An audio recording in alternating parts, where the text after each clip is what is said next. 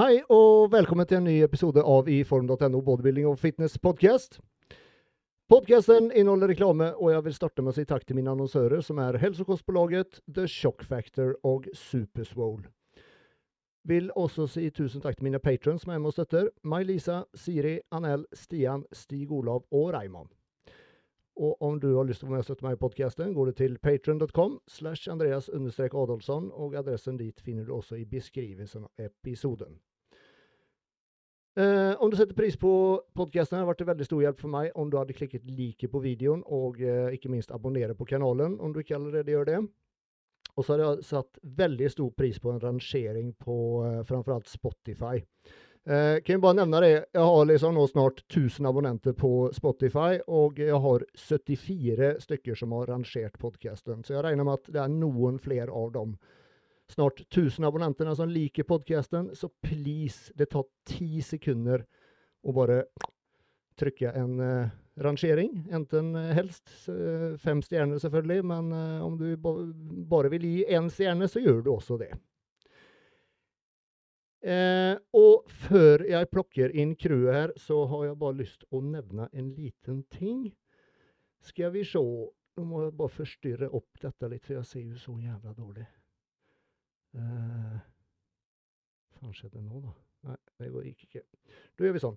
Eh, neste helg, dvs. Si den 18. mars, så har uh, The Shock Factor, som uh, jo er Nor Norges nye ledende treningsklesmerke, de skulle ha sitt uh, første event på Kalibergym i Bergen. Og det vil bli konkurranser, giveaways, early access på uh, nye kolleksjoner samt flere overraskelser. Så om du er i Bergen den 18. mars, da anbefaler jeg at du tar en tur innom der. All right. Der har vi hele flokken samlet.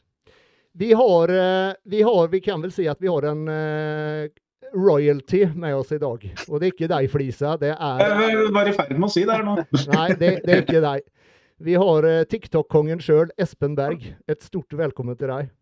Takk for det. takk for det. Hyggelig å være med. Jeg har jo fulgt med dere litt. og Det er mye lærerikt her. Det er ikke bare dere coacher folk og dere kommer med mye bra info. så det er, Jeg ser mest for å lære, egentlig.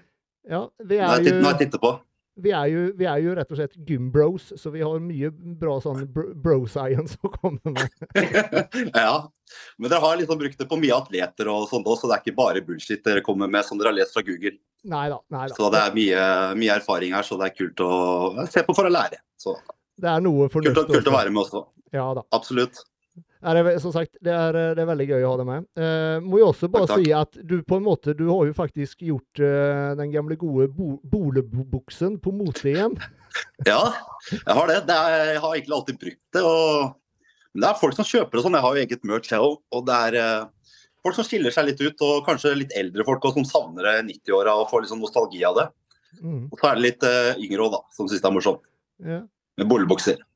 Ikke sant. Men er du, er du litt sånn selv at du på en måte liker den litt eh, old school eh, bolebukse, hardcore, den stilen Ja. der? Jeg, jeg brukte Gasp før, men eh, nå, mye av det har jeg bestilt på Amazon og sånn. Men nå kom jeg bare på jeg må bare lage noe sjøl. Når jeg begynte å få mye følgere og sånn på TikTok, og folk eh, etterspurte det. Mm, Så da bare gunna jeg på. Lagde det kult. eget merch. Mm. Jeg må bare spørre deg, hvordan, hvordan eh,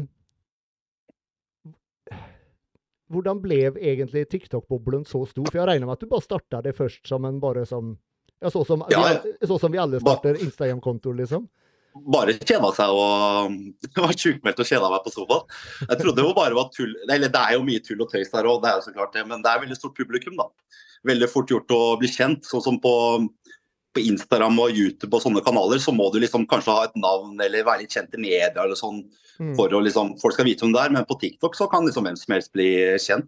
Veldig fort gjort å få eksponering og, og få et navn der, eller om man skal si da, å bli kjent der på TikTok. Det er mest populære appen og mye barn som bruker det som regel òg, men også voksne. Har følgere fra alt fra 12 år til eh, 75, liksom. Så Mm. Hvitt aldersspenn. Gikk, gikk det veldig fort fra at du starta til, til der du er nå? Ja, har bare hatt det to, ja, 14 måneder, kanskje. Hæ?! Ja, litt over et år. Så jeg fikk eh, 100 000 følgere. Det tok liksom tre måneder. Da jeg begynte å poste sånn jevnt og trutt, og så kommer det på til TikTok har sånn der For you-page. Og Mm. det er sånn, da Hvis du legger en video der som blir delt mye, eller som er morsom eller informativt eller bra, da, så kan liksom hele verden typ si av det. da, Men det er jo sånne algoritmer som fanger opp videoen din. som mitt, Jeg snakker jo norsk, så det kommer ikke ned i Brasil eller eh, sånt av videoene mine. da. Men eh, det er veldig fort gjort spredning der. Mm. Men du må Men, jo ha, eh, du må jo ha hva skal jeg si, noe, noe som er veldig unikt, da, i og med at du, du klarte å vokse så jævlig fort.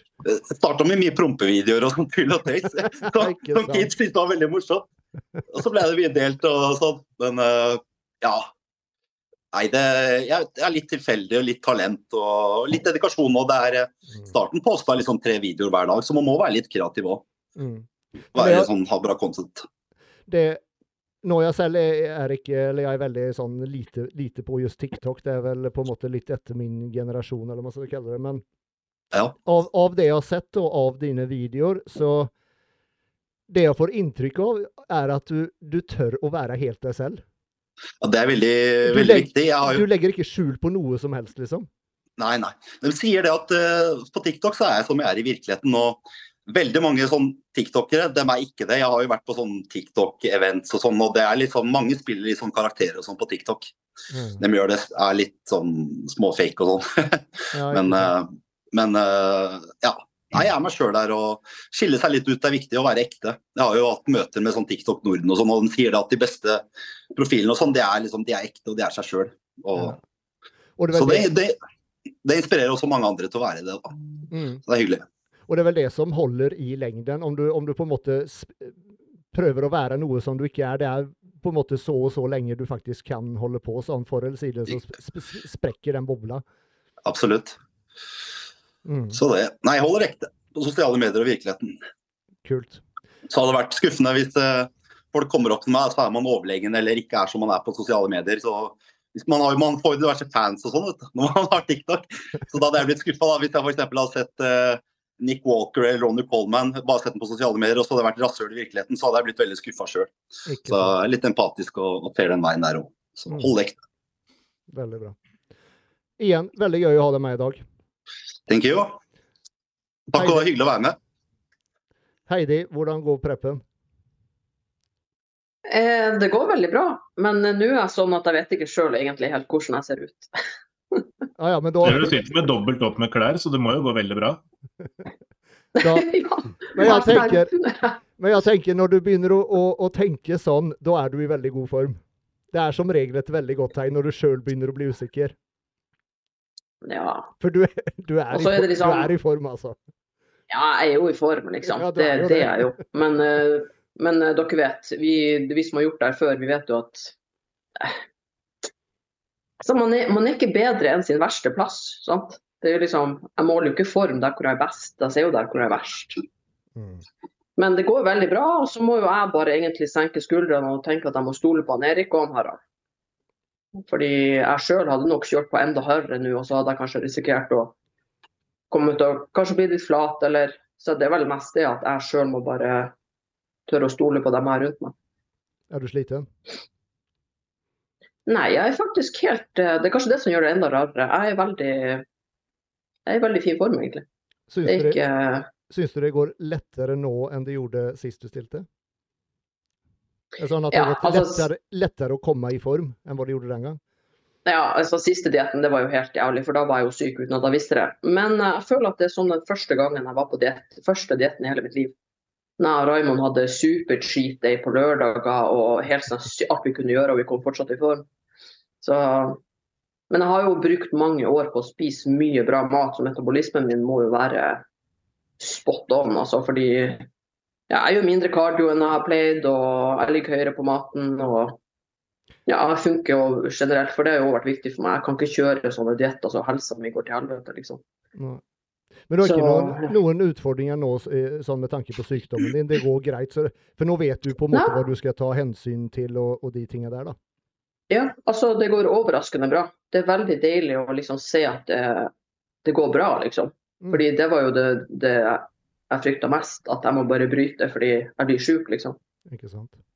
Men eh, nei, det går overraskende bra, og jeg føler meg bra, og det er dritartig å kjenne på at jeg er akkurat samme haug som da jeg var 20 år. Mm. Mentalt er jeg faen meg helt likens. Det er sånn Jeg går på mølla og er sliten, og jeg bare sånn Fy faen, det er fette lett! Og så går jeg bare. altså sånn, Jeg tenker liksom helt likt. Det er veldig Det er nesten så surrealistisk, men det er veldig kult å kjenne at mentalt er jeg den samme personen, liksom. Ja. Jo, men det er, jo, det er jo egentlig ikke så rart, for det er jo dette du på en måte elsker. Det er jo dette du brenner for. Ja, ja. Det er jo liksom Jeg sa til han Harald òg her om dagen Fy faen altså at jeg ble syk. For det her, det er det jeg mente å gjøre. Det, jeg syns det er lett, liksom. Selvfølgelig er det ikke lett. Men det er lett for meg, liksom. Det er tungt, men det er forventa tungt. Mm. Jeg har liksom ikke Jeg har ikke cravings, og jeg går ikke rundt og tenker på boller og Kunne tenkt meg litt mer havregryn, liksom. Mm. Men det er ikke sånn at du liksom er dritsulten hele tida? Du, du er ikke helt der? Nei, altså jeg spiser jo veldig mye grønnsaker, og det har jeg gjort altså Eneste dietten jeg gjorde i 2008, da hadde jeg lite mat, liksom. Men alt jeg har gjort etter, så er mye grønnsaker, så jeg er alltid mett uh, til noen måltider i løpet av dagen. Mm. Så jeg har sliter ikke noe veldig med sult. Ja, nei, jeg, jeg, som jeg sa til deg på Insta i går, var det vel, at jeg, jeg gleder meg til å se deg på scenen. altså. Ja, jeg, altså, jeg må bare si én ting til den som hører på. Sånn, det er sjukt artig og motiverende å ha sånn, så mange folk som heier, eller som støtter. Som liksom meldinger man får og sånn. Gud, så koselig. Det var jo ikke sånn før når vi stilte, liksom. at Det var sånn Instagram, og du får en melding. og men herregud, så utrolig koselig at det er så mange som liksom er så støttende og heiende. og liksom, Mm. Ja, nå Det er Det du, nesten litt sånn overveldende. ja, nå når du sier det, så eh, det er faktisk en ting jeg tenkte på sist jeg stilte også. For det, ja, som du sa, det, det var jo ingenting sånt når vi stilte, for det var ikke ens Facebook, Nei. ikke sant? Nei, Eller det er så vidt kommet. Ja, ikke det liksom- du stilte Andreas sende en faks for å ønske deg lykke til, liksom. Eh, Ja, det, mener liksom, det er helt sånn, så det er nesten sånn Oi, så artig. liksom Folk jeg så vidt vet hvem er, og noen jeg ikke vet hvem er engang. De er sånn her Herregud, jeg heier på deg. Du ser rå ut. Jeg gleder meg at du skal konkurrere igjen. Og jeg bare sånn her Å, så koselig. Nå hørtes du gammel ut, Heine. Ja, jeg er jo gammel. Alt, alltid relativt, da. Ja. Jeg må bare si, eh, jeg, var oppe, jeg har vært oppe i Trondheim og jobbet denne uka, og så, eh, og så trente jeg sammen med, eller trente litt sammen med Dan. Vi hadde noen øvelser vi skulle kjøre likt da. Og jeg ble så jævlig parkert. Fy faen. Men da hadde du rå. Herregud. Ja, fy, ja, men så styrkemessig, det var liksom bare, å herregud, er jeg så jævla klein? Faen! Enten er han jævlig sterk, eller så er jeg jævlig svak. Jeg vet det faen, ja. Men han er jo jævlig sterk. Og i Mm. prime time av livet sitt, for faen. Nei, det var eh, ja, nei, det var, noe, det, var en opplevelse, for å si det sånn, da. Ja, det var veldig gøy. Um, noen andre ting? Noen annen som har noe morsomt som har uh, å fortelle?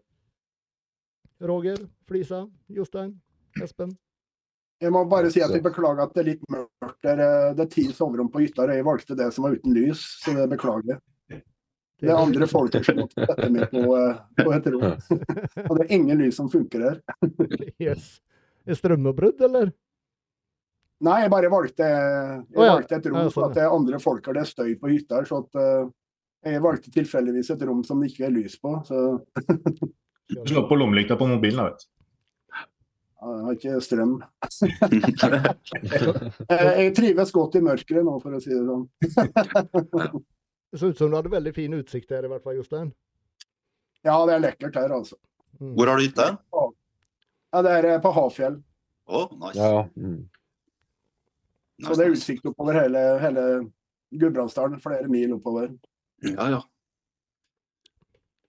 Og det er ikke min hytte, det kan jeg si med en gang. Det er bare på besøk. Det er ikke bare det. Um, vi har fått Jeg tenkte egentlig denne episoden her Vi har fått inn så jævla mye spørsmål. Så jeg tenkte, tenkte egentlig at vi skal ta og fokusere på, eh, på spørsmål. Det er mange veldig eh, artige spørsmål, og veldig mange bra spørsmål, faktisk. Mm. Eh, tenker men at det hadde vært kanskje greit å bare ta en liten kommentar på Arnold Classic. ja, det kan vi gjøre. Du, vet du hva jeg vant Ja. Jeg hadde jo, jeg hadde jo Jeg kjørte jo podkast med gutta i Bergen her forrige fredag, og vi veddet faktisk 500 spenn. Eh, og jeg klarte faen meg å sette både Samson og Nick riktig. Jo, grattis. Takker, takker. Men jeg var, jeg var ikke alene. Eller vi fant ut at vi, vi, eh, vi premierer Eller vi gir én poeng til hver riktig plassering, da, så meg og Lasse ble likt.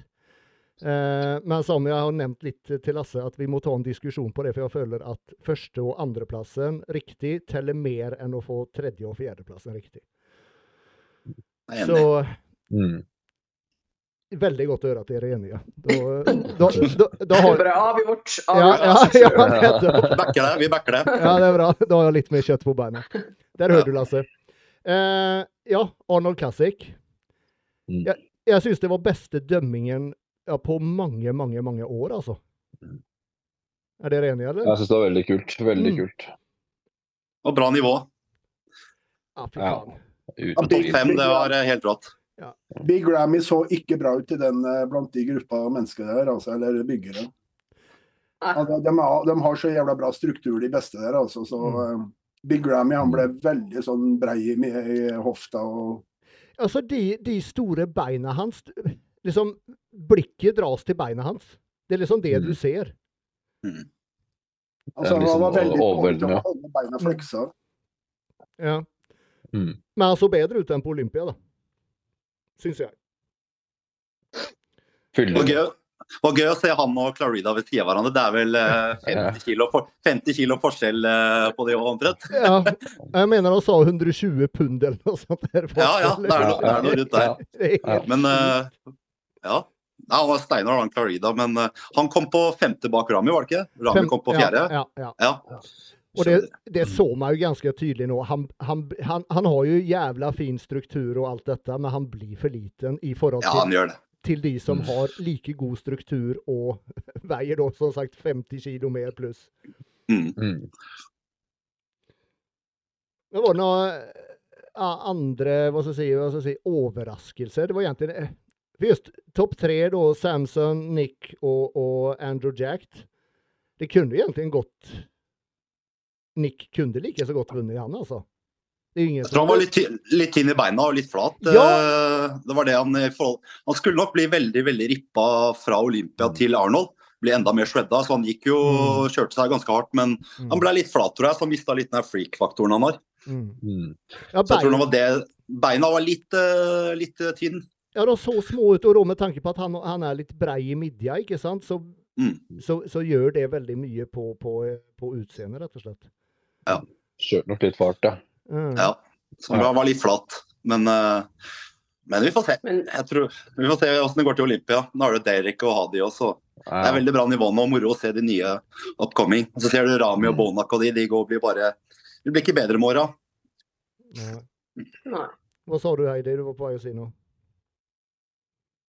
Nei, jeg skulle bare si jeg syns bare det var sjukt artig å se Samson, liksom. Bare Ja. forskjellen fra Olympia til Ja, eh, Arnold, liksom. Mm. Altså, det var Altså, jeg har ikke ord. Dritkult, liksom. Mm. Og han er jo så Andrew også var jo. Ja. Absolutt. Og Andrew også var jo veldig mye bedre. Ja, jeg elsker jo Andrew, men det er bare han trenger mer. Han må bli Mm. større, liksom. Men Ja. jeg, jeg syns han er fantastisk bra Mm.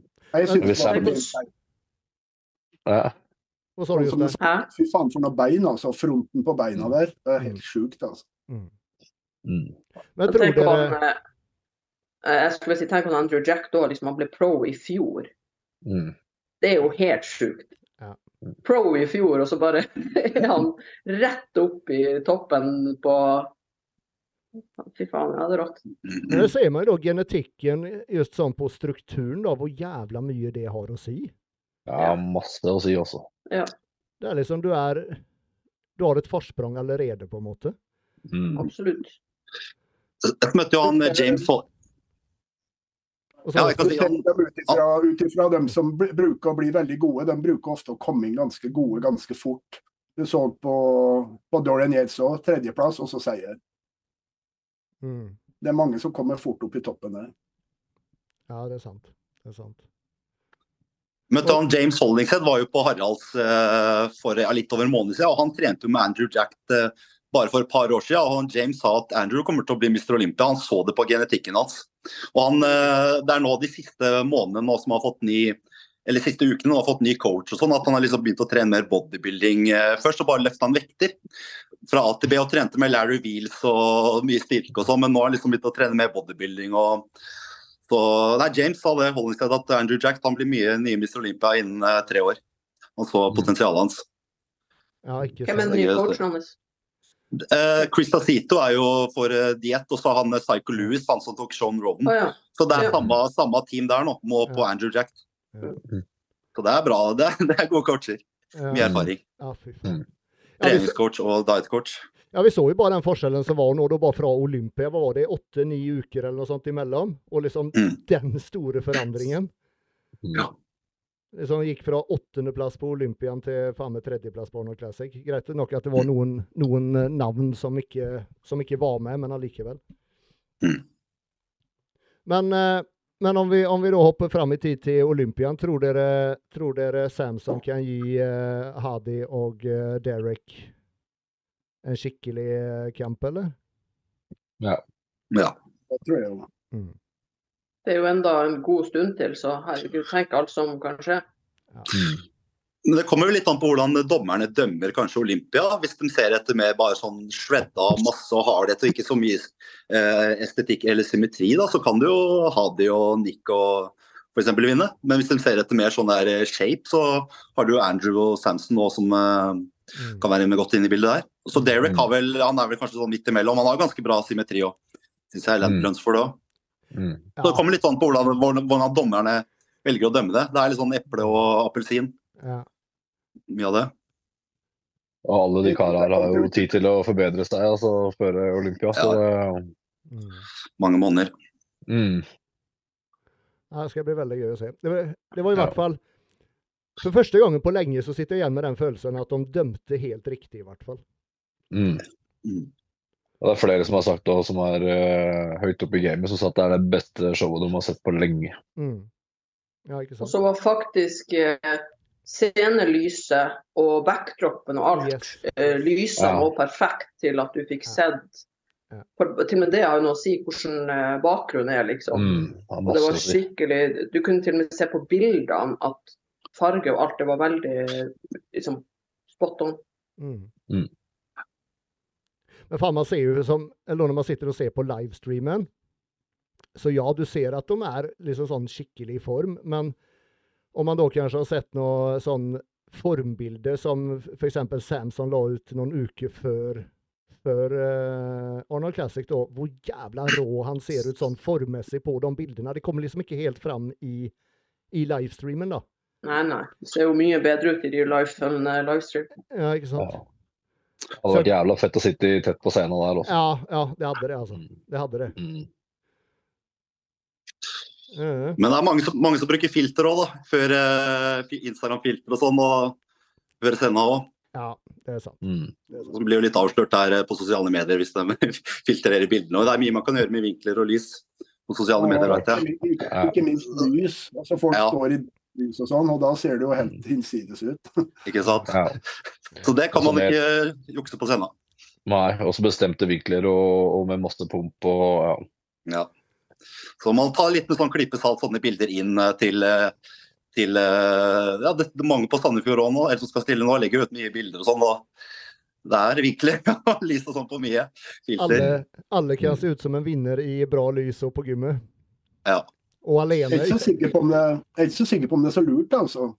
Nei, nei, nei. At folk har en forhåpning til vedkommende, når de, og så kommer de på scenen og så ser de ikke sånn som du trodde de så ut.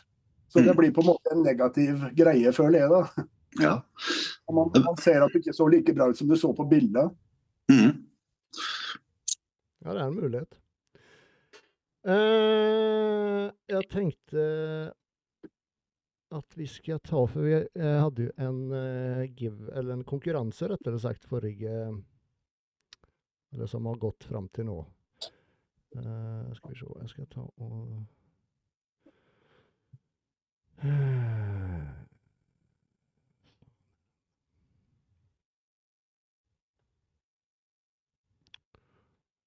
må finne ut av noe her.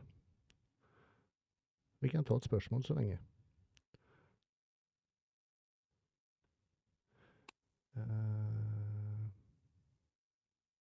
Espen, jeg har fått et spørsmål til deg. Det regner jeg med. Eller det blir på en måte to spørsmål. for Spørsmålet er følgende, for jeg vet jo at du er på diett nå. Eh, og det spørsmålet er hvor mange kalorier spiser du daglig? Så vi kan ta både nå som du er på diett, og hva du vanligvis ligger på når du er eh, off-season, om, om du teller, da. Nei, da teller jeg ikke. Jeg spiste Jeg skal tippe 6000 kanskje, off-season, hva jeg skal si. Eh, 6000 kalorier. Uh, nå er 3000. hvor mye veier du? 100 og, jeg pleier å si 0,12 tonn, ca. 120. 0,12 tonn, ja. Ja. det, var, det var en ny måte å si det på. Så 1,80 1,83-84. Så spiste 3000 kalorier. Og jeg føler meg Grunnen til at jeg egentlig tar en sånn shred nå, for jeg er drittlei mat. og og får ikke noe mer progresjon liksom, måte, i den muskelbygginga. Da ble liksom bare mer fett og mer fett og ikke noe muskler. Så dårlig fordøyelse, insulinsensitivitet og sånne ting. Så da er det ofte lurt å kjøre en, eh, en shred. Altså. Så liksom gøy å se hva man liksom har bygd. Da. Nå har jeg liksom bygd og spist og spist i hvert fall et par år. Ja, tre år kanskje siden jeg kjørte en sånn ordentlig, ordentlig diett igjen. da. Så da er det liksom gøy å se hva man har bygd. og så, så Man kan jo ikke bli større og større og større hele tida. Så får man et bedre utgangspunkt når man er mye linere og kanskje tar en forhold til rebound eh, noen uker etterpå. så Bare man, bare man gjør det riktig. Men eh, jeg spiser 3000 gallerier og er egentlig ikke noe, ikke noe sulten, for jeg spiser en del eh, grønnsaker. Og så spiser jeg eh, egentlig en det har litt med at jeg er, eh, har en sånn autoimmunsykdom og så vil jeg ha lite informasjon i kroppen. Så når jeg er på ketose, da, så jeg spiser jo ikke noe eh, direkte karbohydrater. Så jeg føler jeg har lavt og stabilt blodsukker og ikke noe cravings på det her. Så jeg spiser en del fett, mye proteiner og grønnsaker. Så 3000 kalorier, det er eh, Mm. Nei, jeg sulter ikke på det. Og så gjør kardio hver dag. Ellers så jeg, går- jeg går liksom ikke 12 000 skritt eh, lenger, jeg. Så, men eh, 3000 kalorier nå. Det ser ut som for, formen kommer seg bra, i hvert fall. Jo, takk. Trener du bare for å trene for deg sjøl, eller trener du med en målsetning? Nei, det har alltid vært for egen del, men når du har 250 000 følgere på sosiale medier, så vil jo dem liksom Dem er jo på en måte litt med, da. Så jeg prøver å ta, kanskje bli flinkere nå, da, men til å ta det litt med på reisen og sånn. Men hovedsak så er den posering og scenedelen og alt det der, det har liksom ikke helt vært uh, uh, All respekt til de som gjør, men det er ikke helt min greie, eller hva jeg skal si. Jeg uh, å i jeg, Fotball og friidrett og sånn, da veit du førstemann over og målstreken vant, men eh, sånn Nei. Det er egen del. Hovedsak. Mm. Da skal vi se. Da tar jeg og deler skjermen min her. Eh, Sånn Nei. Der. Og så gjør vi sånn. Jeg bare prater litt med meg selv her. Eh, Sånn.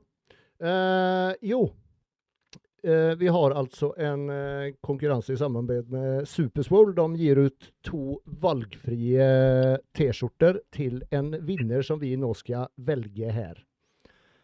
Eh, da har vi fått inn noen Hvorfor går ikke dette nå. Hallo. Der. Her er vårt første bidrag. Dette er fra Fatty to Beast. Eh, jeg syns den var litt artig. Og vi har Stine Renander. Skikkelig hardcore treningsbilde.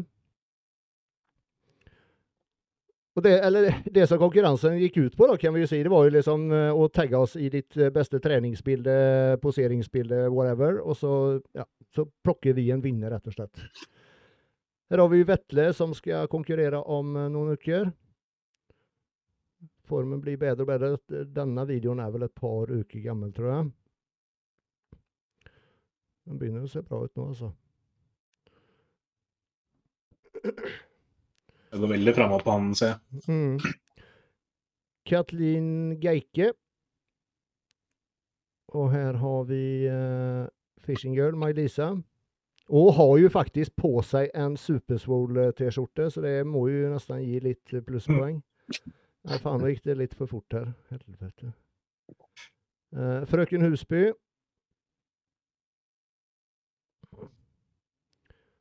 Jonas Talula. Marain Fysik. Moma Träning. Ja, det var dem. Så egentlig bare sett i gang og stemme, folkens.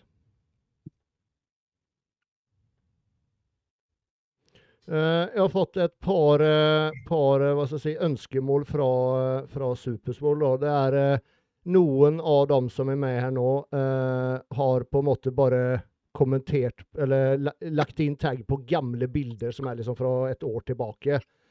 Eh, og det var liksom ikke helt det som var meningen. Det som var meningen, det var at det skal, være, det skal liksom være nye bilder. da.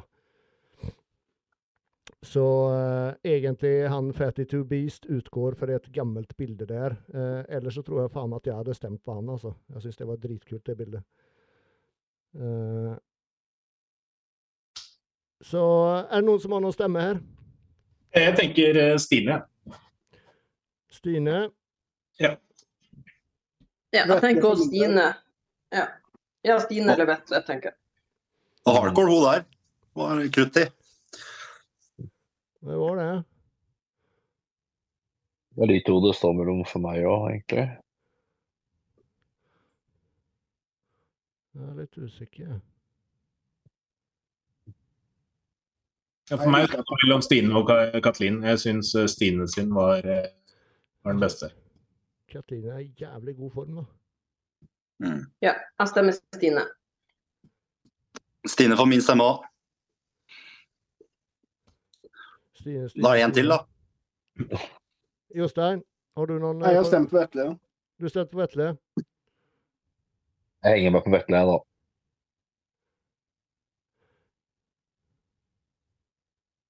Er det uavgjort, eller? Det var Min, var min stemme igjen. Med tanke på hva Vetle har fått til på denne korte tiden, som han faktisk har satset mot bygging, det er helt sjukt. Og bare det at det er noen som faktisk satser på bygging i, i, eh, i dag, det er så få som gjør det. Så rett og slett min stemme går til Vetle også.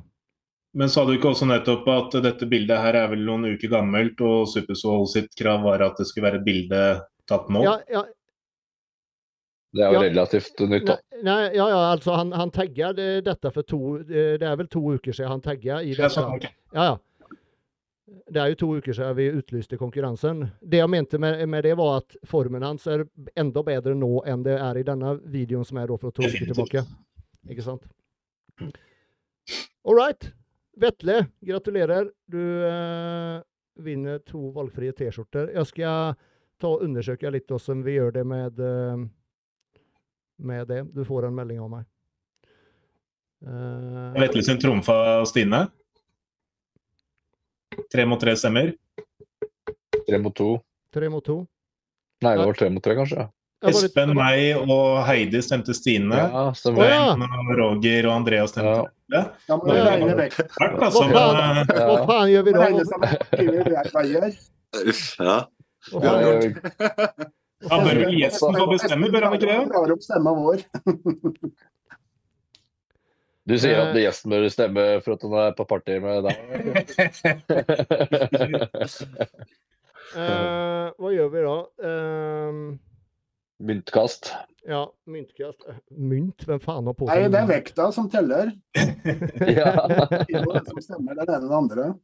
Mm. Eh, Jeg har jo faen ikke noen mynter, da. Ja, bankkort, da, så tar du gode, gamle hockeykortkastinga.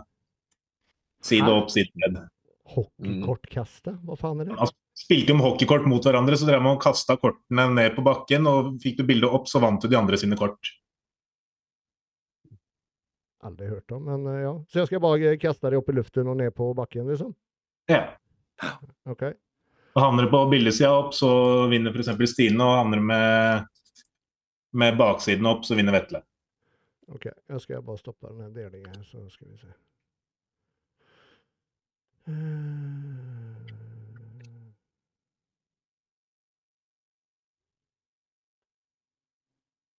Sånn. Uh, All right. Da skal vi se. Da tar vi eh, forsida.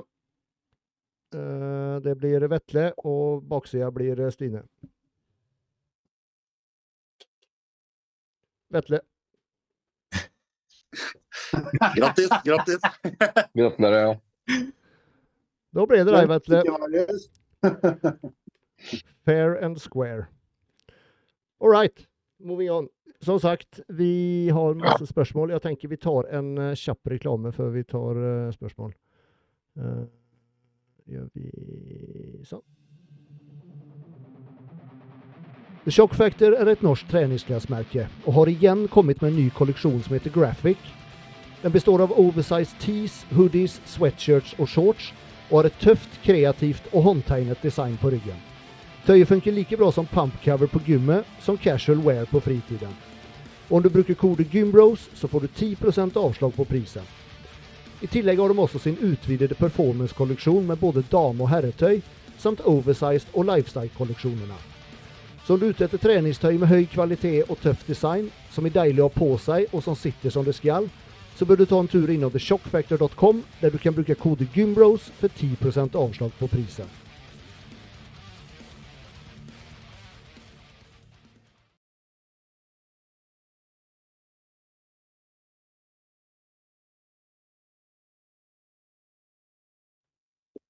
All right.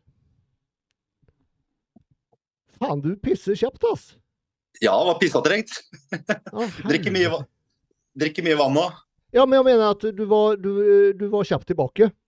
Ja, ja, det var ti meter unna. Du vet Ja, Dårlig blære. ja, eller, faen, Jeg tenker heller veldig bra blære, for jeg, faen, om jeg skal gå og pisse, jeg bruker i hvert fall to og en halv minutt. Liksom, først skal du komme i gang. Jeg er så gammel nå, så nå begynner prostata og alt å krangle. For å, et helvete, vet du. Nei, jeg er fortsatt ung. Det går som en det er rett ut. Ja, ikke sant? Den har ikke noe karb i kroppen, vet du, så det blir fort, eh, tømmes fort ut.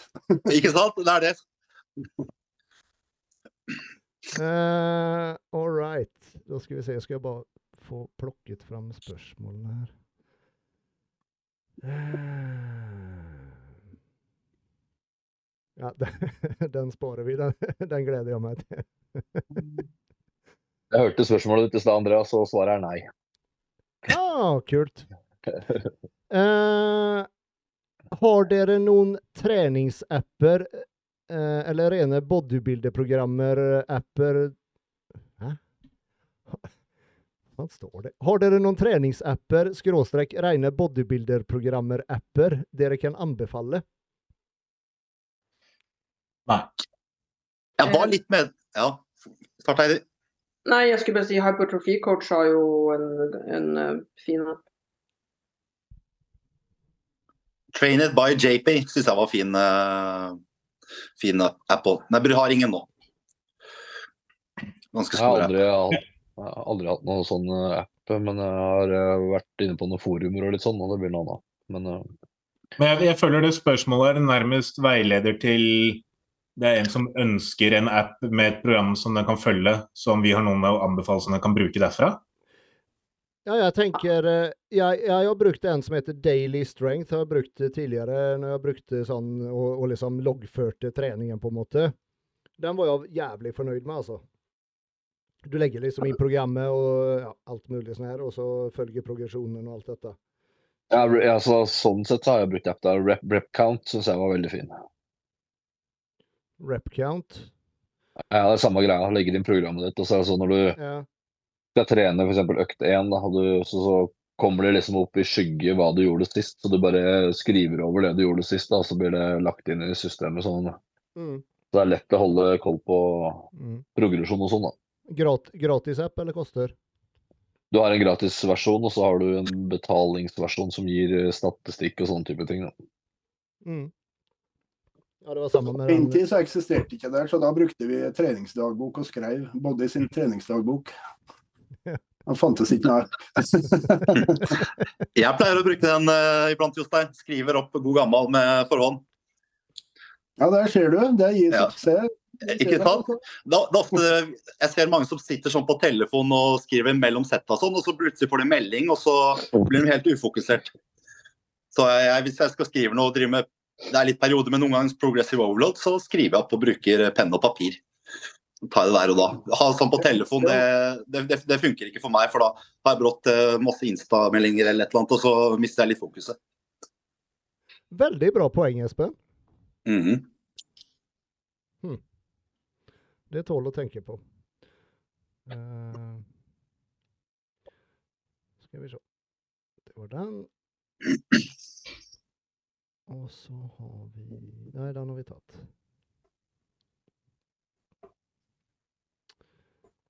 Uh, Heidi, hvordan blir man like rå som deg? Nei, det vet jeg ikke. Jo, det er lov å skryte av deg sjøl, Heidi. Du er flink. ja, du har lov å skryte av deg Du må ikke være beskjeden nå. Det, det Hvordan man blir like rå som meg? Nei. men det, Altså, men faktisk noe jeg har lagt merke til med folk som trener og sånn, hvis vi tenker med tanke på scenen og sånn, jeg ser veldig mange bare trene. Altså, de bare løfter og styrer, liksom. Jeg tenker jo biomekanikk og liksom Alt jeg gjør er i forhold til å støpe den malen på scenen. Jeg ser liksom mange jenter som har lyst til å stille og sånn, men de trener jo ikke Kanskje de mangler litt skuldre, og så ser jeg hvordan de trener, og så tenker jeg ja, det er jo ikke rart du ikke har skuldre. Så det er jo liksom, for det første, liksom sette seg inn i god kunnskap. Hvordan man skal trene for å støpe fysikken, sånn som den skal være på scenen. Og så tror jeg òg at Eller for meg med diett og sånn, at det er lett, det er jo fordi jeg spiser samme maten året rundt. Den maten jeg spiser nå, spiser jeg jo til vanlig, det er bare at kaloriene er mindre. Så jeg tror at jeg er litt sånn annerledes, kanskje. Jeg fungerer kanskje litt annerledes på diett fordi at det er veldig vanlig for meg, på en måte. Så mindset. Det du gjør, tenker jeg. Hæ? Du har kvalitet i det du driver med. Ja, og liksom jeg har liksom Det folk sliter med, er på en måte vanlig for meg, så jeg tenker ikke over det engang. Så som jeg sier, jeg går ikke og craver masse junkfood nå. Jeg bare har lyst på mer havregryn og litt mer ris. Det hadde vært fint. Så Jeg vet ikke. Jeg har i hvert fall skjønt at mye av det folk syns er veldig vanskelig, det tenker ikke jeg over. Så jeg vet ikke. Men jeg har jo òg gjort det hele livet. Jeg Ja. kom jo inn i denne verden da jeg var 16-17 år, liksom. Men det er det jeg mener da. Da når du kom inn i denne verden, jeg mener eh, det var vel ikke like enkelt for deg sånn helt fra begynnelsen, eller var det det?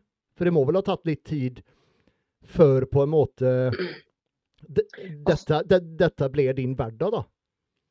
Ja, selvfølgelig, men samtidig så har jeg jo holdt på med konkurranseidrett. Jeg holdt jo på med bryting siden jeg var seks år gammel. Så konkurranse og mindset og sånn, det har jeg jo fått fora inn siden jeg var kjempeliten. Mm. Og selvfølgelig lære seg med kosthold og alt, og det har vært kjempe altså, Herregud. Og ikke minst trening. Alt vi gjorde før, som vi vet i dag at herregud.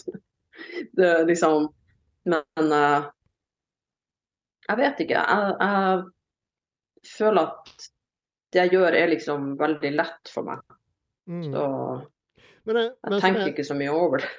en ting vi har snakket litt om før, det er å på en måte klare å pushe seg, da. Og, og faktisk ta seg ut på settene. For det er jo liksom som du sier, mange som bare løfter vektene, men de har jo liksom kanskje syv-åtte reps igjen før de faktisk egentlig hadde vært ferdige med det settet. da. Men, men Ja, og hvordan, og hvordan skal man lære seg å på en måte å trene hardt, da? Skal man bli med noen som på en måte som deg, da, som, ja, vet, som vet hvordan man trener hardt, eller er det noe man kan lære seg på egen hånd? Man kan jo lære seg det på egen hånd, men jeg tror det er litt sånn hvordan er du state of mind. Altså, jeg har jo PT-kunder som eh, Altså, du bare vet at denne personen er ikke en person som kommer til å kjøre masse til failure. Altså, de er ikke den type person. Mm. Men det er jo folk, jeg har hatt med meg jenter på trening hvor jeg har trent bein skikkelig, og da har de innsett at shit, jeg har aldri trent bein skikkelig i hele mitt liv. Så selvfølgelig, det hjelper jo å få med noen Få med Roger på trening, eh, og, og så har du nesten ikke trent i ditt liv, så får du jo garantert en aha-opplevelse, liksom. Jeg husker, eh, jeg husker tilbake i 2004, jeg jobba som personlig trener på Better Body Skum i Oslo. så, så kom det en fyr, og han, han ville bli med på en, på en ordentlig beinøkt, da. Så som, så som vi trente, da. etter etter eh, Vi kjørte først, om det var bøy, jeg husker ikke. Og så var det beinpress etterpå, med, og, og så hadde vi supersett og greier. da. Og etter ett eller to sett der, så begynte han å kaste opp. og så han, ble han helt grønn i ansiktet, og så sa han ha det, og han kom aldri tilbake igjen. ja, det er litt sånn. Men, du, men jeg tenker jo liksom, det er jo ikke bare den push-evnen, men det er jo valg av øvelser. Altså, det er jo ja. veldig mye dårlige valg. Det er jo ingenting som Mye lite optimalt med tanke på å støpe scenefysikk. Det er jo en baktanke bak akkurat de øvelsene vi gjør. Mm. Det regner jeg med for alle oss som sitter her som har støpt en scenefysikk. Spesielt, jeg, jeg kommer i hvert fall borti veldig mange når de forteller meg hva de gjør, så tenker jeg sånn Eller at jeg ser hva de gjør, så tenker jeg sånn Ja, de ønsker seg skuldre. Så sier jeg, ja, men det er jo ikke rart de ikke har skuldre. Altså, skjønner hva jeg mener? at det er, jo, det er jo liksom en baktanke bak alle øvelsene jeg velger, det jeg gjør, maten jeg spiser, og ikke minst, jeg er jo ikke redd, jeg er ikke redd offseason eller all den tida, alle de årene, jeg spiser jo mat. Jeg spiser så mye jeg klarer. Jeg trekker heller ikke offseason, jeg bare prøver å spise så mye jeg klarer, liksom. Mm. Så jeg vet ikke. Men jeg føler min sterkeste, min sterkeste side er jo, min, det er jo psyken min. Den mentale biten. Ja, ja. Og den vet jeg ikke helt egentlig hvor det kommer fra. Det er liksom, ja. Ja, men just i, eh, sånn, I forhold til dette spørsmålet så tror jeg det er det som er det absolutt viktigste. Det er den mentale bit, biten. Det å det å dels kunne presse seg, og, og, og, bare det å gjøre samme sak hver dag. År mm. ut og år inn. For det holder, ja. det, holder, eh, det holder, liksom ikke å gjøre det, gjøre det i to uker og så tro at det skal skje så veldig mye. Nei, og det holder ikke å gjøre det i to år heller.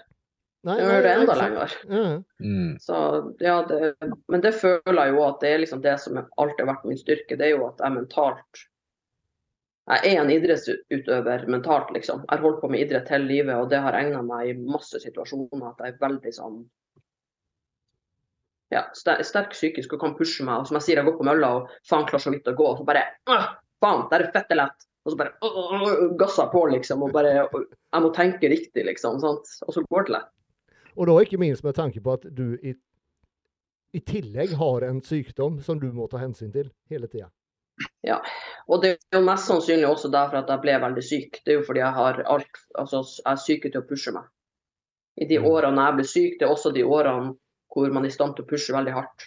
Mm. Og da pusher jeg nok enda hardere fordi jeg er et idrettshaug. Så det er liksom en dårlig kombo i sånn setting, men ja. ja, ja. Men sånn er det jo det meste man skal lykkes i, tenker jeg. Så er det jo liksom, det er jo, hodet er jo det viktigste verktøyet du har. Mm. Ja. Mental styrke, drive, de tingene her. Det er jo, har du ikke det, så hjelper det liksom ikke. Mm. Mm. Ja, veldig bra svar. Merker ofte når en prater med folk, så merker ofte altså Hvis folk er i starten av karrieren sin, f.eks. om det ene idretten eller andre, så, så kan du merke på hva de sier fort om det kommer til å nå langt. altså. Om du har det mindsettet til å kunne gjøre jobben til å bli best. Ja, absolutt. Mm. Ja, det er jo noe som skiller vinnerne mot, mot hva skal jeg si, resten, da. Mm. Ja. All right. Det var svar på hvordan man blir like rå som Heidi. Uh, da skal vi se. Da tenker jeg vi ikke Det var bare teorien, da. Det var praksisen er verre. Ja. Gjennomføres òg. Jeg tenker uh, bli med og bo sammen med Heidi en uke og se hva hun gjør, og gjør det samme, så tenker jeg at du blir rimelig rå. Er det det vi lodder ut som konkurranse til neste Ja. det blir ukers camp hos Heidi. det er mange som hadde sett det som en straff, tror jeg. kan, kan du jo melde på noen du ikke liker, da? Kent Coy. Ja, ikke sant. Um, hvordan uh, Noen tips til å foodpreppe kylling for flere dager uten at den blir tørr ved oppvarming? Ikke oversterken når du først lager den, er jo kanskje regel Ja. nummer én. Ja, det skulle jeg til å si òg. Det er fort gjort. den Det blir tørrere og tørrere da. Mm. Og airfryer er jo fantastisk. Ja. Mm. Det, er... Da er den moist. Men man kan jo oversteke den der òg. Men eh, ja, jeg har en vanlig filet i airfryeren på 17 minutter, og da er den supermoist.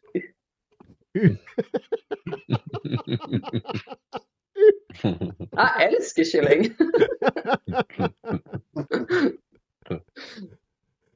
um. Og, og så hvis det blir tørt, så går det å bruke mye sånn kalorifri sauser og sånn. eh, Da blir det jo mindre, mindre tørt. mm, Etter hvert. Implementere det. det funker. Uh, skal vi se Du trenger du ikke varme det opp heller når du skal spise den. da. Jeg spiser all maten min kald. Alle, Ja. alle matboksene er kalde.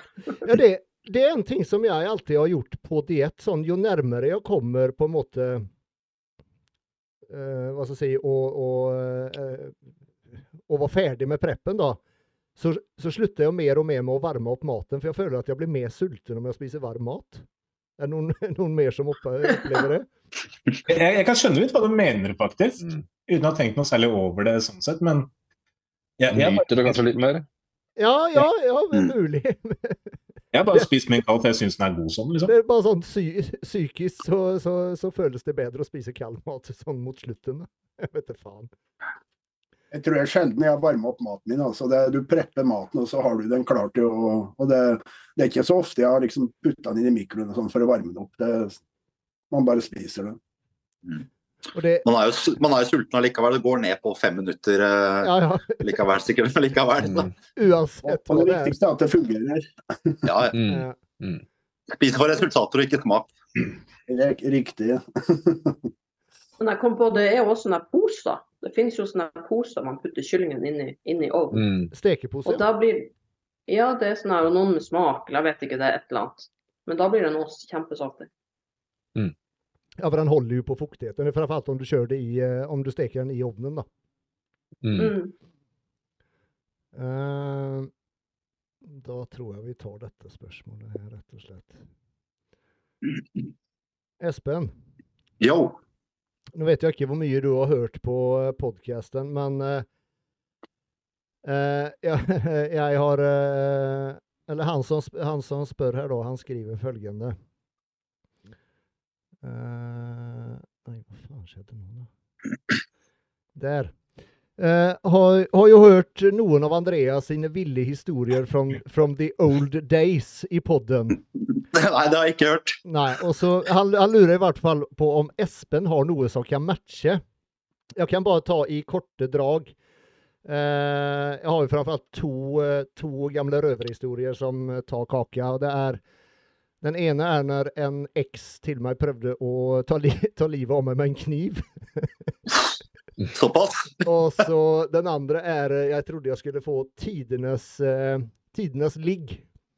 OK? Eh, men så viste det seg at jeg ble eh, sugd av en mann. For, for å ta det i veldig, for å ta det i veldig korte drag. Jeg har gått på en smell der òg med en ladyboy, men jeg har ikke blitt noe ja. Fortell.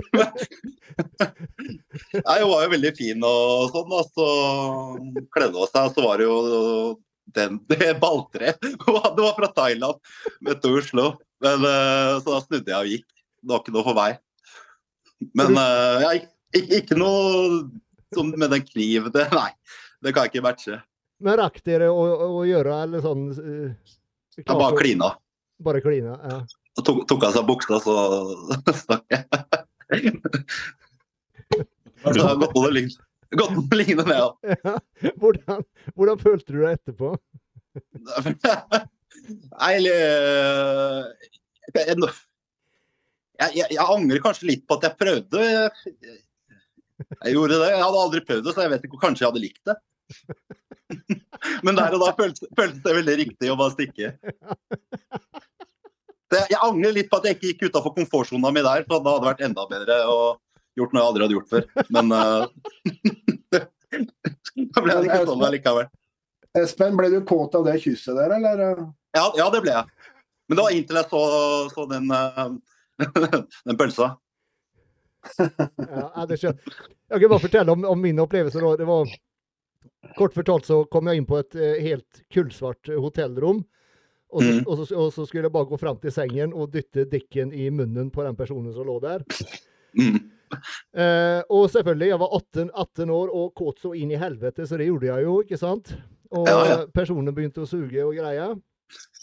Og så eh, etter hvert så skulle jeg kjenne på de her gode, fine puppene som hun hadde fortalt i telefonen tidligere at hun hadde. så, kj- så kjenner jeg et hårete mannebryst. Ja, det var i mørket nå.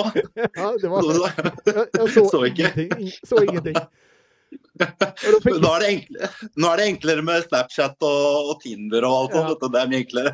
dette, var, det dette var i 94 eller noe sånt. 93-94. Og, og før jeg ble født, det. Ja, ikke sant. Men det var, Yes. men det var i hvert fall den, den nedturen jeg fikk der etterpå. Det var ikke noe gøy. Nei, nei, nei. Føler seg flau og Ja, gå på smell, men Ja. Ja, dere ja, ja, ja. Det var helt jævlig. Det var helt jævlig. Ja, ja, men det- du, nei, nei, du har vært borti ja, det har sånn, jeg har vært borti det, men det er ikke noe drap eller, eh, eller sånne ting. Knivstikking og Det har jeg ikke. Nei, var, glad for det. holdt jeg på å si. Ja, ja jeg har lyst. Men jeg er fortsatt ung, vi får se hva fremtiden bringer. Men ja. prøve å oppføre meg ordentlig og være hyggelig, så prøve å unngå mest mulig Velg, sånne situasjoner. Men for å si det sånn, velg, velg damer med fornuft. ja. Eller menn. Ja, Eller menn. Eller menn, ja. Eller begge. Eller mellomting. Ehm.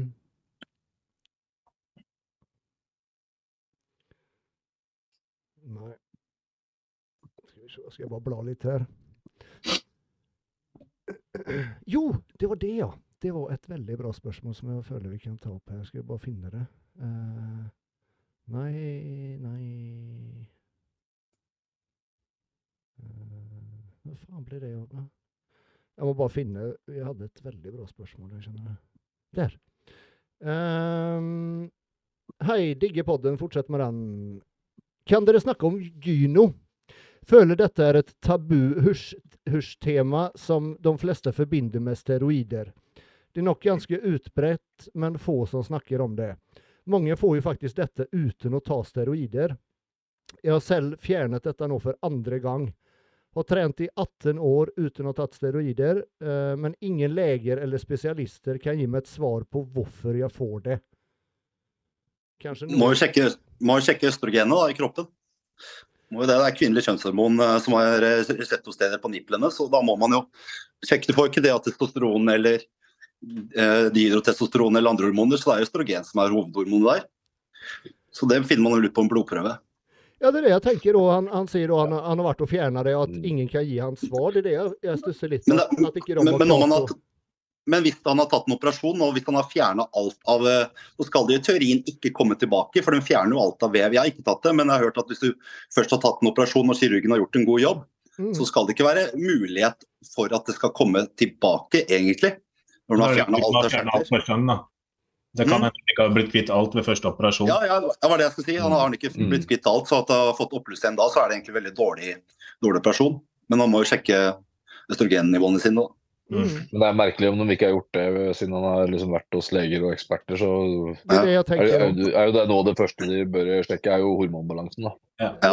Jeg, jeg syns det høres veldig rart ut at han sier at ingen leger eller eksperter har kunnet gitt noe svar. Det de sikkert mener med at de ikke kan gi noe svar på, er hvorfor det har kommet tilbake. At de ikke har en direkte årsak til hvorfor det eventuelt har kommet tilbake i etterkant. Men det Men er, de veit ikke hvorfor det oppstår. Men det er, Ja. En dårlig, dårlig jobb sikkert av kirurgen. Men det vil si at, at, Mm. at om du får gyno, så har du, så har du på en måte reseptorer ved nippelen ikke sant, som på en måte reagerer på østrogen. ikke sant? Men om du da fjerner det, så, så fjerner du reseptorer og allting? Er det sånn du Ja, tenker? fjerne mottakerne. Reseptorer er jo mottakere. Så, Mm. så hvis de har gjort en god jobb, så skal det i teorien ikke komme tilbake. Men har du ikke gjort alt, så er det fort gjort at det kommer tilbake. Jeg har operert for det to ganger sjøl. Jeg fikk, eh, hadde det, opplevde det første gang jeg var 12, og hadde enorme smerter da jeg var 14. Da hadde jeg enorme smerter i begge brystene og i lysken, eh, spesielt i lysken. Mm. Så jeg ble satt på venteliste til operasjon. Eh, Da var jeg 14. Når jeg var 26, så ringte de fra Riksen og tilbød meg å fortsette å stå på ventelista, Hæ? som kunne ta inntil fem år. Eller jeg kunne velge å gå ut av offentlig kø og satse på at en privat klinikk ønsket å gjøre det, fortsatt på statens regning. Eh, men det kunne hende de sa nei. Mm. Så Men en altså, eh, nå har jeg stått tolv år i kø, så jeg kan godt ta den sjansen. ikke, du har fortsatt ikke fått det? Jo, jeg fikk det etter tre uker da jeg bytta til privat klinikk. Ja, ja, ja, sånn, ja. Midt i sommerferien så tok det maks tre uker før jeg fikk bekrefta time og til jeg fikk første operasjon. Men tok de blodprøver og sånt på deg? Sånn for å sjekke østrogennivåer og de tingene der? Eh, De gjorde vel det da når jeg var 14. De gjorde ikke det på nytt nå når jeg skulle operere. Men husker du hva de, hva de prøvene viste da? Hadde du veldig mye østrogen? Nei. Jeg var 14 år, Ja, så man tenker, tenker jo ikke på det når du er 14 år, liksom. Nei, nei. Ja, alt jeg tenkte på, var at det var jævlig vondt og det var ubehagelig. Bare det å ha T-skjorte på seg gjorde det dritvondt. Så det var så sårt og ømt. Og mm, jeg fikk først en operasjon. Der skjedde det samme med meg. Den fikk ikke fjerna alt i det ene brystet, så jeg måtte innoperere på nytt seinere. Hmm. Det var vel to år etterpå eller noe. Tre år, kanskje. Så etter andre operasjon så ble det helt borte. Men en viktig ting, det kan komme av prolaktin nå. Det, ja, men som sagt, det er jo hormonubalanse. Men prolaktin er proteinhormon fra hypofysen. Men hvis du får, eh, det er jo det som gravide kvinner og sånn, hvis de kan melke, så er jo, det har de veldig høy eh, prolaktinnivå i kroppen nå. Så det er veldig viktig å, å sjekke det. Prolaktin og progesteron, men prolaktin er et derivat av eh, progesteron. Da. Men det er også et annet hormon som kan gi eh, gynekomasti. Da. Prolaktin og østrogen. Men mest vanlig er østrogen. Vi kan jo ta prolaktin, om det skjer, skjer på de fleste. Altså i, I puberteten så har du jo veldig høyt, høyt produksjon av testosteron, og det drar også opp østrogenet. Mm. Og det, det er grunnen til at det skjer for de fleste. Og det samme hvis man misbruker steroider og testosteronet blir høyt, så vil også østrogenet bli høyt. Og så for mange så får de da gyno. Aromatiserer, ja. Stemmer. Mm. Mm. Det gjør det. Men eh, prolaktin og østrogen det er de to viktigste der. Men det er, jo, det er vel også veldig individuelt om, om, om du på en måte er, er hva skal jeg si, om du får det eller ikke. Det finnes jo mange som, som bruker steroider som aldri sliter med det i det hele tatt. Og, og, og noen får det uten å Da som Flisa eh, var 14 år og brukte ingenting, ikke sant? Regner jeg med i hvert fall. Ja. Det er genetikk. Det er genetikk. Ikke Det er sant? det. Hmm. Men også er det noen tar feil at de, de kanskje har veldig mye fett. Også hvis de slanker seg, går ned i fettprosent og sånn, så er det ofte det at, eh, at det kan bli mye bedre ved at man bare rett og slett uh, går ned i vekt og fettprosent. At det blir mindre og mindre der. Mm. Men og østrogen trives jo i hovedsak i fettceller òg. Og jo mindre fett man har, jo mindre aromatiserer testosteron til østrogen òg. Mm. Så det er, eh, men uh, hvis man har først har kjertel, hvis man har en kjertel på, på nipplene, så er det egentlig for sent. Da Da må man uh, operere det ut. Ja. Så må man ta alt. Var du tjukk når du var 14, Flisa? Nei, Nei, var det var ikke det da. Det, ikke... Det kom seinere. ja, bare finne, Ja, ja, ja. finne Det kom grunn. 20 år seinere, da. Da kom med den Ikea-posen din med sjokolade. Det er helt riktig. Lykkeposen. Mhm. Ja, ikke sant. Uh... Ja, nei, jeg, jeg sleit, har aldri noensinne slitt noe særlig med, med akkurat det. Ehm, men det er vel litt mer sånn som, som eh, Jostein og Espen beskriver der, i forhold til eh, puberteten. Så um, det, på, på meg så var det, det var helt ekstremt. Um, ja, altså jeg hadde så mye kjertler i, både i lysken og i brystene og faktisk under armene som gjorde det så enormt vondt. Lysken har jeg aldri hørt om. Under armene har jeg hørt, men aldri lysken. Jeg tror på, på hver av sidene hadde jeg vel nesten fire kjertler eller noe. Som bare sto på rekke nedover inni hele lysken der sånn. Så det var, helt grusomt. Så heldigvis trengte jeg bare stå tolv år eh, i kø da, for å få det operert, så det gikk jævla fort. Men hadde det med samme årsak, eh, de kjertlene der? Det veit jeg ikke. Jeg veit ikke om det var samme årsak. Alt jeg veit, var at jeg var Jeg tror 14 det, år. jeg tror det noe annet, altså. Kan ha vært det, det, Lysken forsvant av seg selv eh, og blei borte. Mens eh, det i brystet gjorde ikke det. Nå avslørte jeg akkurat hvorfor eh, Jostein sitter i mørket.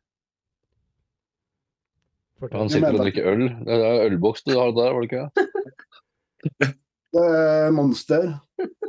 Ja, det er sikkert. Ja, det er ok, ok. Jeg blanda med vodka Ja. Er den på hyttetur, så er den på hyttetur. Nei, det er, mer, det er mer for å skjule ansiktet at jeg sitter i mørket. Ja. Det setter vi pris på, Jostein. Marius.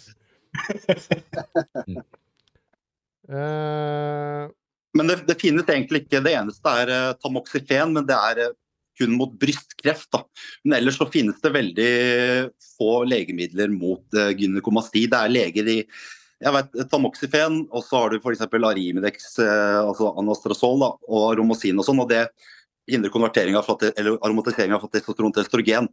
Men uh, tamoxifen det er eh, mot brystkreft, da. men ikke mot selve gynekomasti. Men det har indirekte med samme, samme sammenheng å gjøre. men kan det, kan det fjerne Ikke hvis du allerede har det. Nei, nei, det, det hindrer seg å danne nye. Proliferasjon, celleproliferasjon, også fordeling av nye celler. på maxifen. Faen, du har peiling. Ja, ja, jeg har studert fysiologi lenge. Ja, jeg skjønner- Syns dette er moro dette er moro og interessant tema. Sånne ting. Dere nerder litt. Når du sier studert fysiologi, har du studert, eller har du lest På, eh, på, på Google. På Google. Les på Google. Jeg har ikke- ikke gått på noen skole. Nei, du fikk ikke høres jævla proft ut her nå. Ja da. Men uh, jeg, jeg syns sånne temaer er interessant å snakke om. Men, uh, men det er rart. Det er jo endokrinolog da, som er hormonspesialister.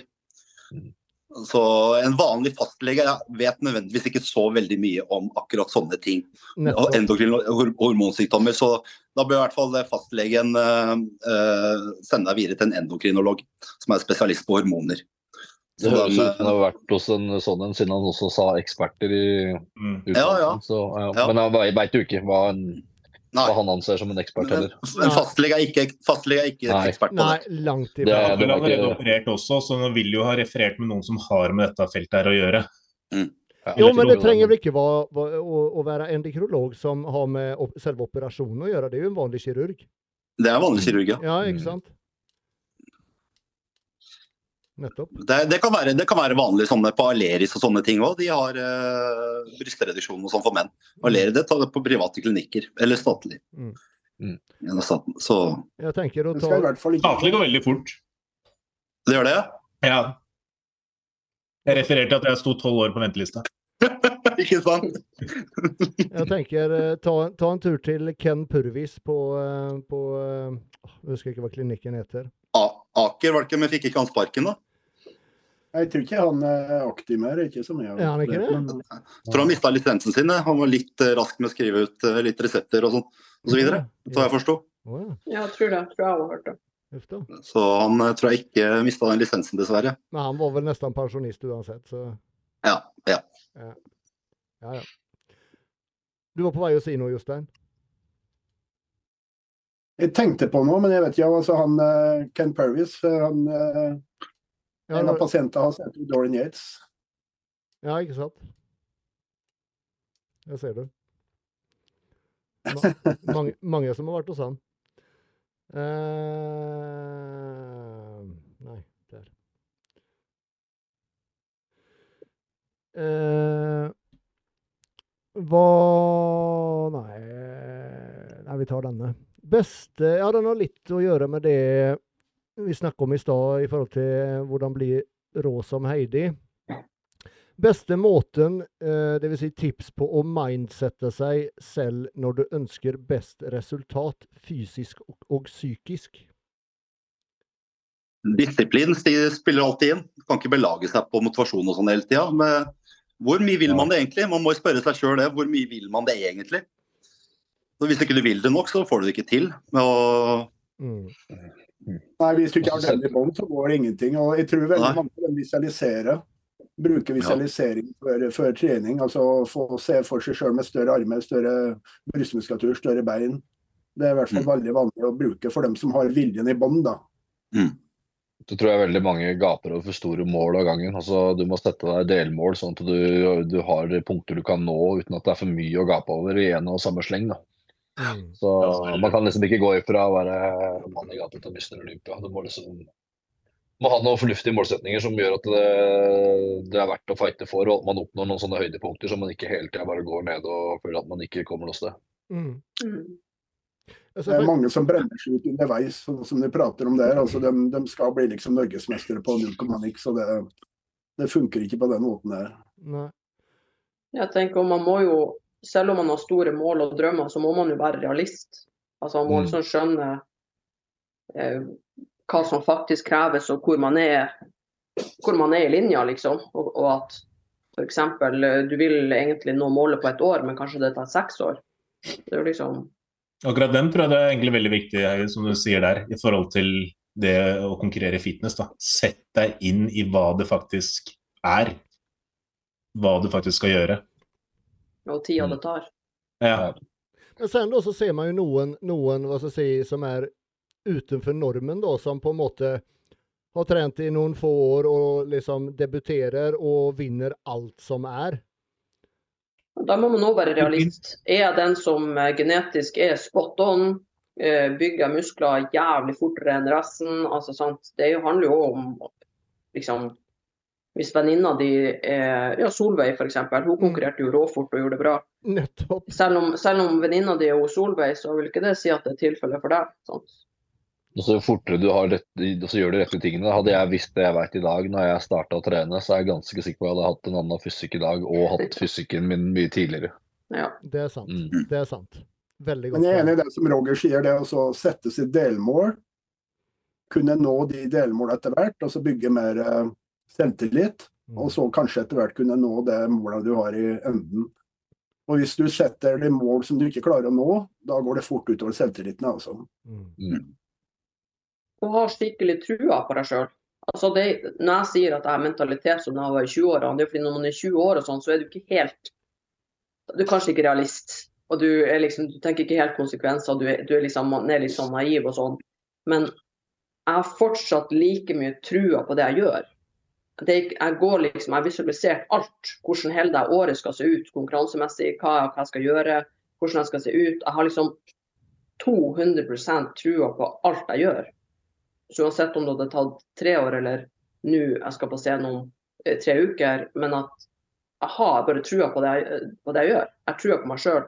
Jeg vet at jeg har, har det som trengs til å, å gjennomføre. Mm. Det er viktig. Ja, da satte jeg meg mål om å bli norgesmester. Da var jeg ganske liten og tynn foreløpig. Men jeg var 100% sikker på at jeg skulle nå det. Å bli norsk Mm. mester. For at jeg skulle trene bedre, sove bedre, spise bedre enn de andre. Jeg hadde, hadde på en måte skaffa meg god kunnskap. Og da var jeg 100 Det var liksom ikke noe tvil. Jeg tror jeg bomma med ett år, men uh, Mm. det fikk det til i hvert fall. Men det er det å ha den vilja, da. Det, du kan ikke bare si til deg sjøl at du skal ha den viljen. Du har den, ellers så har du den ikke. Noen har vinnermentalitet. Du har liksom Northug og Mm. Bjørndalen og Mm. Du må liksom ha den litt i bånn, da. Men hvor Og du får noen trøkk, du får noen trøkk i trynet. OK, det tok kanskje ikke et år, kanskje, men da får du sånn som jeg, jeg får bare blod på tann, så blir jeg enda gærnere, liksom. Mens noen får det trøkket i trynet, og så gir de opp. Nettopp. Nettopp. Mm. Det er nettopp det. Eh, Jeg kan eh, bare ta som eksempel eh, Broren min er rimelig svær. Lillebroren min. Eh, og så har han hatt litt uh, sånn problem med hjerterytme og sånne ting. nå da, og han, han, han er ganske overvektig. Og liksom prøvd, prøvd flere ganger å liksom sånn gå litt på diett, og så går han på diett i to uker, og så uh, går han ned et par kilo, og så føler han at han har vært flink, og så slapper han av, og så er det så er dietten over, ikke sant? Så er han tilba- tilbake i samme, og så går han opp litt til. Men nå sist, nå, nå har han liksom fått, fått god beskjed fra legen at du må, du må ned i vekt, ikke sant? Uh, så nå siste fire Det, blir, det er check-in i morgen. Uh, og nå har han holdt på i fire uker, så det er mer eller mindre en ny, ny rekord. Og jeg har liksom da prøvd, akkurat som det du sa, Heidi, det å sette seg delmål. Roger. Roger, herregud, faen, jeg, lurer på om jeg begynner å bli dement, altså. Jeg, jeg, jeg, glemmer seriøst alltid hvem som sier hva.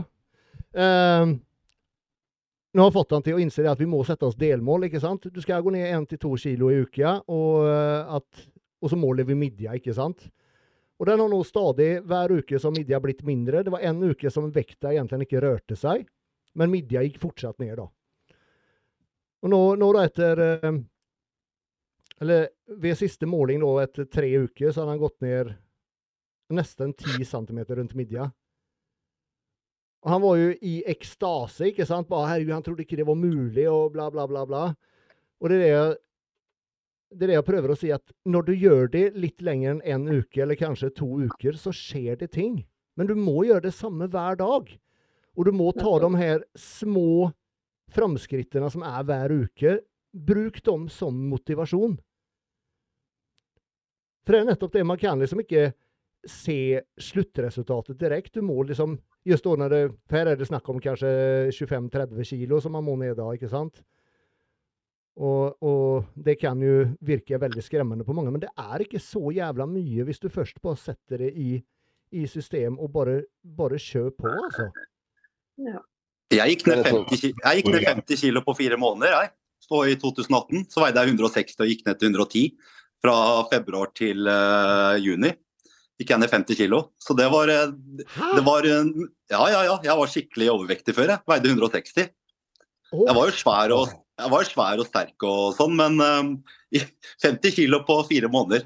Og det som, liksom, det, det som var viktig for meg, da, det var å få gode første det var å på en måte få gode rutiner. Jeg starta litt med litt og litt. Jeg begynte å gå tur hver morgen. Mm. Og så begynte jeg å, å kutte ut uh, sukker og sånne der ekstra sånne kalorier. Og så begynte jeg å spise mer sånn uh, ordentlig mat. Så jeg satt måte med veldig sånn, som dere sa, veldig små delmål. Og så hadde jeg et Excel-ark, og så veide jeg meg fast uh, hver jeg tror det var mandagsmorgen. Og så når jeg så vekta gikk ned, så var det det som måtte ga meg den største motivasjonsboosten til å fortsette videre og se at liksom klærne ble litt større og sånn. Men eh, Mm. små delmål, og så ga det en Selv om jeg ikke skulle belage seg på motivasjon, da, men det var skikkelig motivasjon å se resultater. Og jeg visste jo det at resultater kommer jo ikke av seg selv, jeg må gjøre en innsats for det. Så Men eh, det var, det var veldig, veldig gøy. Så jeg har opplevd å gått ned veldig, veldig mange kilo, jeg òg. Yes. Ja, for så som du kilo. sier, så som du sier at, at, at liksom folk spør hvordan de, eller hvor de skal finne motivasjon, men man, motivasjonen kommer ikke bare, du må selv Kommer ikke automatisk. Du må Kommer ikke bare den. som lyn ned fra himmelen. Nei, du må skape den selv. Du Mm. Du selger, med, du selger med å skape motivasjonen. Ja da. Det er mye liksom sånn se på videoer og motivational speech og mye sånne ting, men det er bare veldig midlertidig. Den beste motivasjonen er å skape resultater selv som gir deg Yes. selvtillit og som gir deg troen på deg sjøl. Nettopp. Da må man ta action, og ikke bare Kommer ikke fra, fra himmelen eller bare så plutselig. Så det er liksom fra en sofagris å liksom finne motivasjon. Da må du liksom starte med å gjøre noen enkle steg selv, og så kommer motivasjonen deretter. Mm. Bare Så hvis sånn, man ikke... Prater ferdig, du. Ja, det er, det er bare sånn. Hvis man er en sofa- sofagris, så, så ikke begynn å trene hver dag hvis man ikke trener. Begynn liksom én gang i uka, kanskje så kommer man to ganger i uka. Så jeg satte meg liksom sånne små mål, og det ga meg veldig resultater. Og jeg så liksom ikke for meg at jeg skulle gå ned 50 kg, men begynte å komme i form, og så var jeg liksom veide en sånn 110, og da var jeg liksom veldig, veldig bra form, og jeg syntes det var veldig gøy. Men uh, små delmål. Mm. Det er sånn som eh, For å dra parallell til en eh, diett, da, så er det sånn Hvis jeg er veldig offseason og starter en uh, konkurransediett, så er det de første fem-seks sju ukene synes jeg er dritkjipe. For da går du helt til å vente på at du skal få de der synlige resultatene. Yes. Og så begynner de å komme, og da kjenner du at motivasjonen øker og sånn, ikke sant. Så det Eh, Fat and flat, er det ikke det man sier? Ja. Feit, men fortsatt flat. Yes. Yes. Men, men, men, men man, må, man må gjennom det. Og jeg, jeg, jeg er Ja. nesten ferdig med den fasen der nå. eh, At nå begynner jeg liksom å se, se bra ut, selv om jeg er flat. da. Så det er vel veldig, ikke så veldig fylle glykogenlager og sånn, men uh, man må gjennom det. og det er sånn, Mm. Bare trene, og så kanskje trene i genser og bukse. At du ikke, det er sånn psykisk at du kanskje er vant med å være veldig fyldig og sånn, men for meg da så hjelper det bare å trene i genser og bukse og ikke se seg sjøl så mye i speilet, men bare stole på prosessen. Og være tålmodig. Mm. Om det er noen som trenger bukser, så har eh, Espen fine boligbukser til salgs. Jeg har, jeg, jeg har boligbukser som passer eh, lårmassen og rumpemassen til eh, de fleste. Så. Espen, nå er det nytt forslag. Du må selge det prosjektet her med hvordan gå ned 50 kg på fire måneder. Da kommer det til å strømme. Ja, ja, ja. Det er jo, det er, det er jo veldig, veldig lett å bare si det, men det er liksom det å få folk til å gjøre det i praksis, da. Det er liksom eh, man, må, man, må være, man må være delvis kanskje sånn psykolog for noen, og så for å bare skrive det sånn på et ark, ja, liksom, så er det ikke sikkert alle som gjør det. Så noen må man nesten være sånn barnevakt for og psykolog for. Men uh, nei da. Jeg syns det er moro å hjelpe, og jeg tar ikke sånn, sånne tips og sånn jeg gir sånn på TikTok og sånt. Det er bare av god vilje. Og jeg, jeg, har, har, jo noen som jeg liksom coacher litt og hjelper litt sånn unge lovende med, med trening og sånn. Og da, det tar jeg betalt for, og det er individuelle program. Men det er ikke mye jeg tar betalt. Jeg gjør det i hovedsak av god vilje, for jeg vil at folk skal godt. Men, uh, mm. men Nei da, det var litt av en, litt av en reise. Så ja, det, man det man vil. Ja, 50 kilo på fire måneder, det er faen meg bra ja. jobba. Men, men, men, det var litt sånn, jeg hadde, lyst, jeg hadde en litt sånn mentalitet jeg ville bli så stor som overhodet mulig.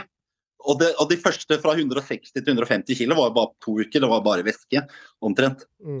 Så jeg hadde en litt sånn, sånn, litt sånn fucka mentalitet uh, på den tida at det var bare bli så stor og tung og sterk som mulig. Ja, men 160 en, en, kilo? Ja. Knapt ene doen og sånn. Gjorde det så. Knakk sånne klappstoler, og det var mye, mye ulemper. Og så jeg, jeg, jeg, jeg skulle lene meg til, på en kompis på et sånt badekar, og så skulle jeg ta hånda bare lene meg, så tok jeg hånda gjennom badekaret og så knuste badekar. En kompis var vært så tung, lente hele vekta så gjennom det der sånn plastbadekar. Så det, er ikke, det var, mye, det var praktisk eh, veldig dårlig. Og jeg jobba jo jeg var faktisk jeg kan innrømme, jeg var så tung at jeg ikke klarte å jobbe som rørlegger lenger heller. Et, etter jeg jobba rørlegger, så var jeg litt sånn ned under vasken, og du må jo være litt sånn fleksibel og, og funke som rørlegger. Men det Nei, det var, var dumt. Jeg kan, si, jeg, jeg kan, ikke si, at jeg angrer på det, for det var veldig lærerikt. Og jeg, jeg, tenker på at alt skjer for en grunn her i livet. Mm. Så hadde jeg kanskje ikke vært så tung og var jo deprimert og, og sånne ting. Og, så det, ikke, så det, var veldig fin lærdom. Jeg prøver å snu negative ting til noe positivt så godt det lar seg gjøre. Og, eh, men eh, det var ikke praktisk eh, sånn generelt i livet, da. Så jeg måtte, det var for tungt å være rørlegger og, og sånt òg. Men uh, Knuste alle hagestoler når du var på sommerfester? ja. De, de spiste all maten og spiste jo sikkert 10 000 kalorier da. Og når du reiste deg, så satt bare de hagestolene fast på ræva. Tok med stolene igjen. Og det må, det må jo være mye enklere for deg å bevege deg, da. Bare det å gå opp en trapp må jo være Ja, ja. Man, man føler som man har tatt av seg en ryggsekk, ikke sant. Man har jo det med så mye daukjøtt. Ja. Men, eh, men, man lærer av det. og Jeg har sagt det mange ganger. og det er det er ikke noe jeg er flau av, men uh, kanskje noen syns det er motiverende og inspirerende å høre. Og, og, sånn, men jeg prøver å snu alt sånn til negativt til noe positivt og ta det til lærdom. Så alt skjer som regel for en grunn, mm. tenker jeg. Sånn filosofi har jeg. Mm. Veldig bra. Vi må ta en reklame, og jeg må løpe og PC. Ja, det må jeg igjen faktisk òg. Har du sjekket ut nyhetene til eh, Superswole? Nå har de i tillegg til de humoristiske og selvironiske trykkene også kommet med skikkelig tøffe og kule motiv. Som du da kan få på uh, alt fra T-skjorta eller tanktoppen din til kaffekoppen. Jeg skal ta og gå inn og vise litt her hva de har. Her er nettsida til Superswole, superswole.no. Eh, og her kan du bruke kode Gymbros20, så får du 20% rabatt på hele sortimentet. Skal jeg ta og gå inn og kikke litt på T-skjorter her. Som dere ser, et veldig stort og bredt uh, utvalg. Alle finner noe de liker. Her har de uh, litt sånn selvironiske litt artige trøkkene. Uh, og det kommer i forskjellige farger. Også forskjellige størrelser. Alt fra ekstra small opp til dobbel XL. Om vi kikker videre, så ser vi her de eh, nyere trykkene, da, som er litt tøffere, med litt sånn dødningshoder, djevelsfigurer. Litt sånn ondskap over det. Det er sånn som jeg liker. Så jeg ser at jeg må eh, opp, uh, oppdatere kolleksjonen min litt. Iron Made Me, den må jeg seriøst ha. Gammel Iron Maiden-fan som jeg er. Kommer også sagt i masse forskjellige farger. Videre har de gensere tanktopper. Og her får du da eh, samme trøkkene. Shortser kommer snart. Eh, går å forhåndsbestille nå. De har også kopper. Og det er da med samme type trykk. Eh, kan man få sin personlige kaffekopp, som passer godt inn på deg. Eh, har også plakater, postere, eh, flasker, og de kan også bistå med å profilere f.eks. treningsrommet ditt eller gymmet ditt. Så eh, ta en tur innom superswole.no, og så bruker du kode gymbros20, så får du 20% rabatt på hele sortimentet. Kjøpte på Biltema, det var jo egentlig til å fylle Ja, så har vi båten og sånn, sånn som fem liter. Sånn. Ja, så svær dunk. fem liter. Da er vi back. Eh, jeg får bare få meg tøflene her, for nå koker det her i toppen. Oi. Sånn. Uh, skal vi se. Vi må ha en liten formsjekk her på noen utøvere. Eh, Skal vi se. Vi gjør sånn.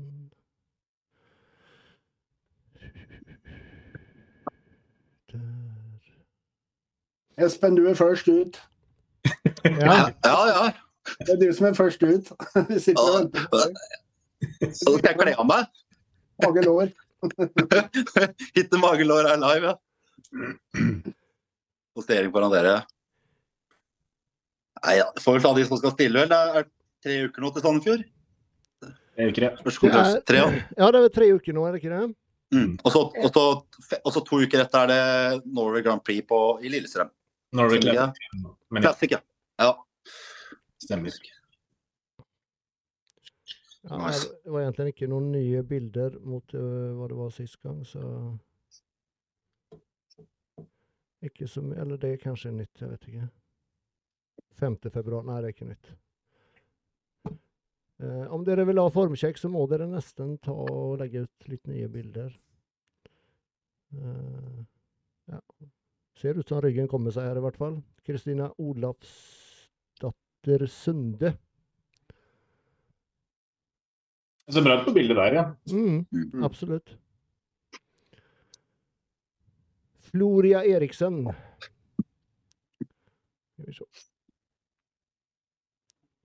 Floria Jævla kult navn. Floria. Hun er også i form. Hun husker jeg fra Trondheim der hun var der. Ja, jeg tror jeg så henne ikke nå denne gangen jeg var oppe, oppe i Trondheim, men jeg var der sist gang. Mm. Er hun debutant, eller?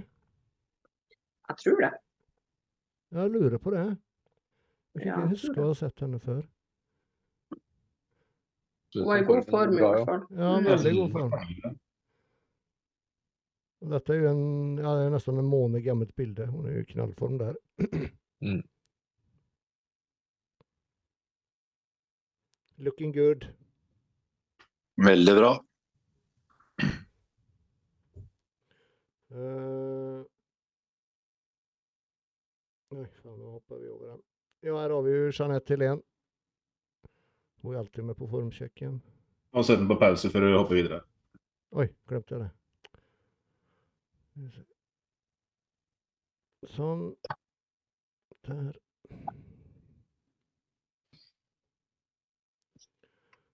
Ser hun har drevet og posert med Solveig, så det er kjempebra. Får har Ja. masse på de riktige tingene.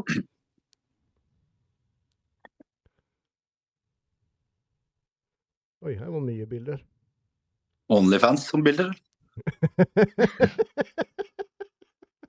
Jeg hører du, Jeanette Helen. Bare start Onlyfans, ifølge Espen. Ma mann, mannen hennes er eh, fotograf. Ja, ja, ja. Så, Ja, det er bra, det. så ja, men Det er bra han ikke er sjalu. Ja, det er fin fysikk. ja, hun, har, hun har faen meg rå fysikk, altså. Hun er jo også debutant, ikke sant? Yes. Master. Hun er eh, 38, om jeg ikke husker feil. Hun er i form, altså. Mm. Jeg håper jeg ikke blir demonetized nå for at jeg har eh, litt vågale bilder, holdt jeg på å si. Men vi tar her, da. De ligger jo der ute til å bli sett på, så eh, Ja, da gjør vi for så vidt det. Mm. så Og lenge hun, er på sjøl, så er det vel greit. ja, men hun, hun er i knallform, altså. Det skal bli jævlig spennende å se henne på scenen. Og hvis hun eh, poserer med Solveig, så tenker jeg at eh, det kommer til å bli veldig bra. Ja, det er veldig, veldig bra form på henne, faktisk. Mm, det Mm. er det. Og så er hun liksom Hun er muskuløs òg, på en måte. Det er liksom ikke Hun er bikini, eller? Ja. Bikini fitness? Ja, bikini, okay. Ja. Yes. Men det jeg mener at det er, det, er, det er mye muskler til å være bikini, da. Eller om du sier Mm. sånn. Mm. Ja, bikini i dag, det er en god del muskler. Jeg trodde hun var Det wellness det. jeg første gang jeg så henne. Coach Ime, skal vi se Coach Fy faen, det er mange som er coach her, Roger. Hun kaller seg trener for å skille seg ut. Ja. Sa norsk.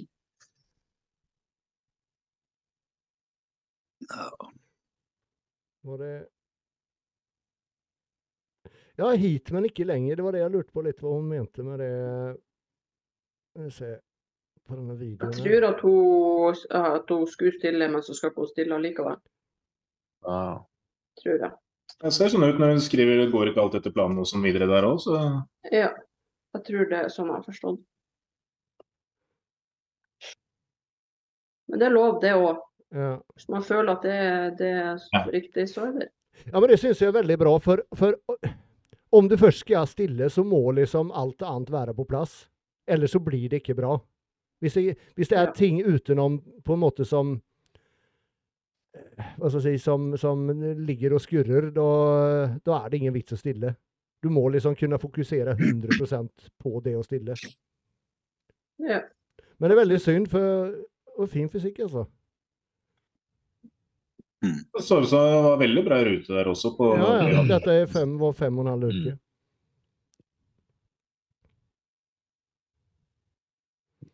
Så vi håper vi, vi får se deg på scenen en annen gang. eh, Ja.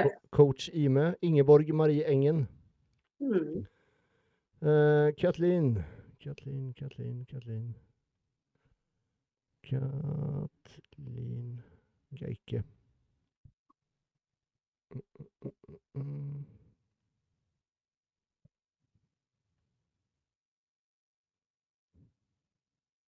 Bra, veldig bra. Er det bodyfitness, eller? Vet du det? Det Oi, for, Ja. bra ser, rygg. ser sånn ut. Ja. ja. bare Veldig bra rygg. Hvem er det hun stiller for? Mm. Noen som vet? Uh, fit together, tror jeg. Ja.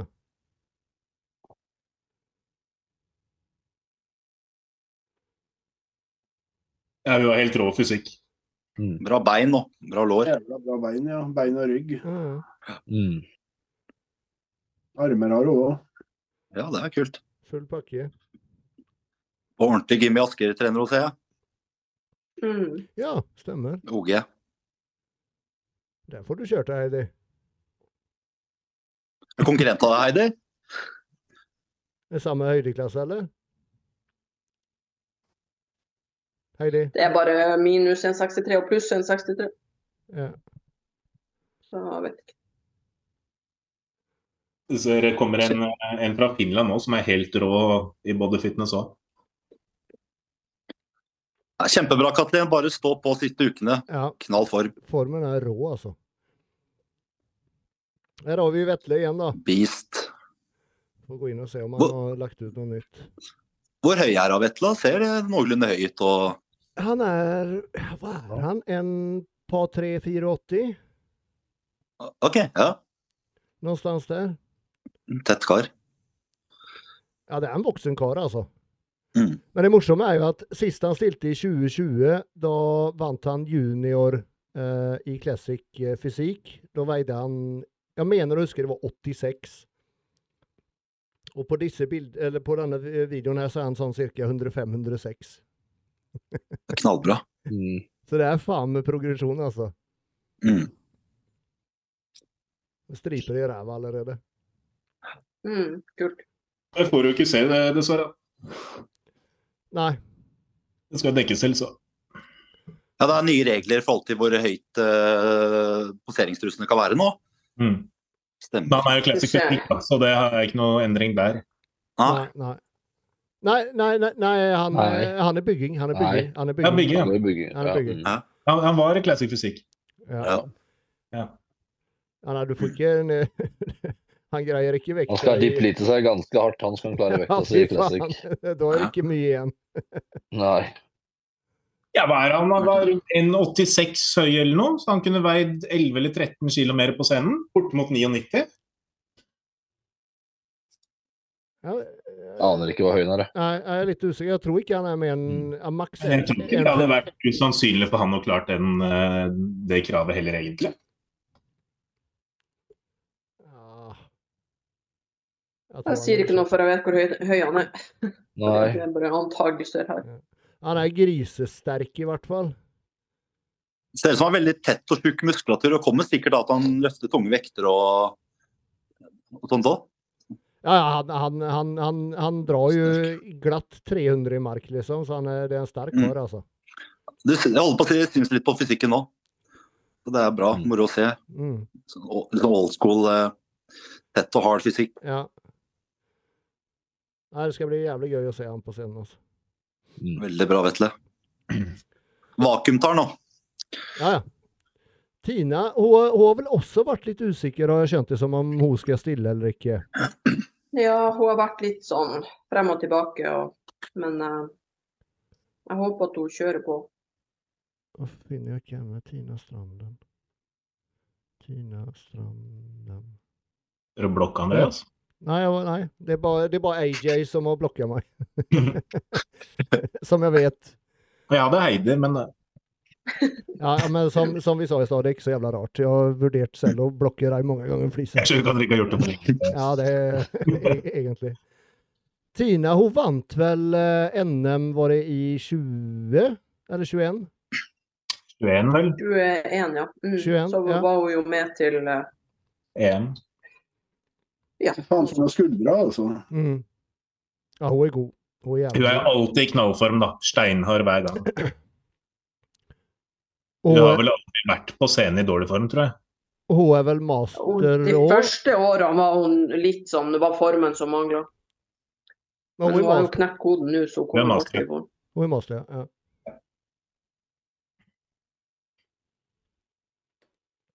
Det er er vel noen gammel danser òg, så vi har jo alltid hatt eh, bevegelsene godt inn. òg.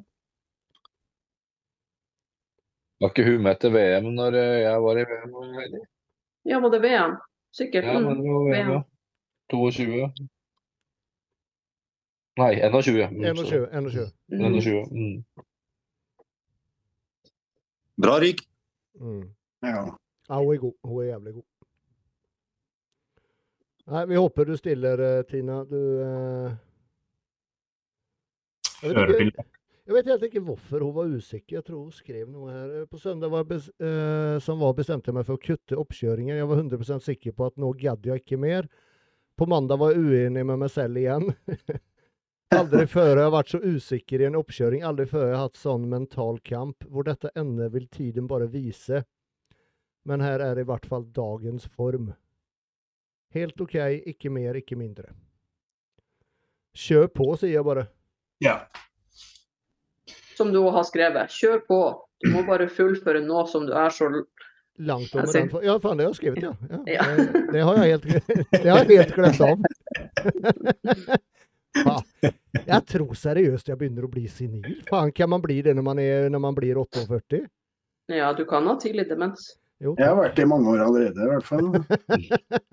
du og jeg, Jostein. Så vidt jeg husker, da.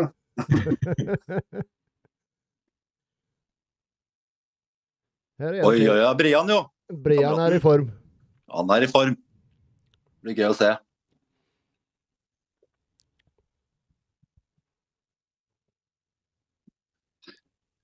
Rippa, rippa. Det har vel skjedd litt med han. og Var ikke han i Mensus Seek sist gang, da? Ja, og mens Jo, musikk sist. Det er vel et knapt år siden, det også? men han skal ikke stille i det nå? Ser ikke sånn ut, i hvert fall. Nei, Jeg håper ikke det. Ut ifra fysikken. Veldig bra fremgang. Veldig og Tatt, tatt offseason veldig eh, Snakker jo med ham iblant, og det er ikke mye cheat meals eh, på offseason der. Det er, han er diett hele året. Som var offseason, og så var, så var det, så var det karbonadedeig og ris eh, uansett. Ja, Jævla bra. skulderbredde. Mm, Ja, veldig. Han har jævla fin ramme. Ja. Åssen er beina? Er det noen som har sett beina hans? Ja, da, han har han lagt ut noe med bein. Ja, de, er, de har grodd, de òg. Her. Der, der og Ja, ja. Faen, du kan ikke skjule de der. Nei, jeg tror, jeg tror nok at han kommer i en, Og det- Kjekt. i en klasse hvor vi får sett beina. Ja, jeg håper det. Knallbra. Runde, svære skuldre. Ja, faen, altså. Brei og rigg og Veldig bra, Brian. Jævla vanskelig å tyde òg, for han har liksom tagga både bodybuilding, men's fysikk og classic fysikk, så han avslører ikke noe der heller, i hvert fall. Men Ja, Bare for å forvirre oss. ja, han er jo en byggerkategori. Ja. Han skal nok sikkert ikke bli mindre i morgen heller. Blir nok bygger. På tide å legge menns fysikk-shortsen på hylla. ja, det Ja, han får det ikke på seg engang, så det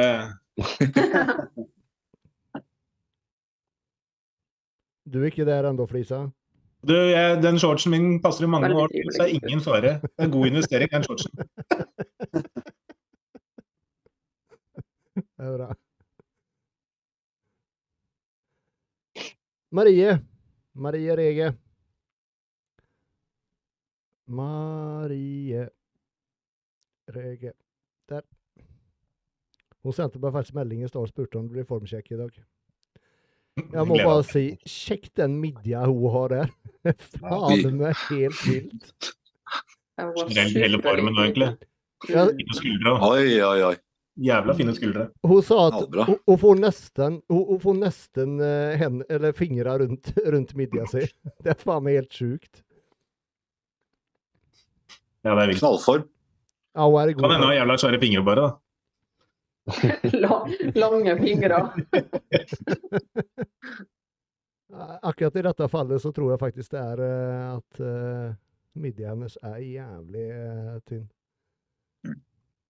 Og hun ser bra ut. Jævlig Ja, god form. Jævlig god form. Veldig bra.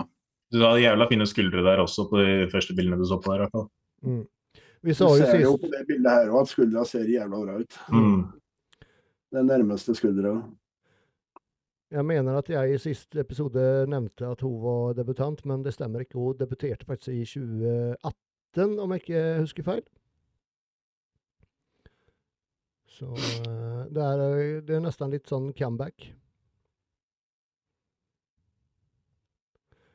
Nei, det skal bli gøy å se henne på scenen. Vi gleder oss. Oh yes. Eh?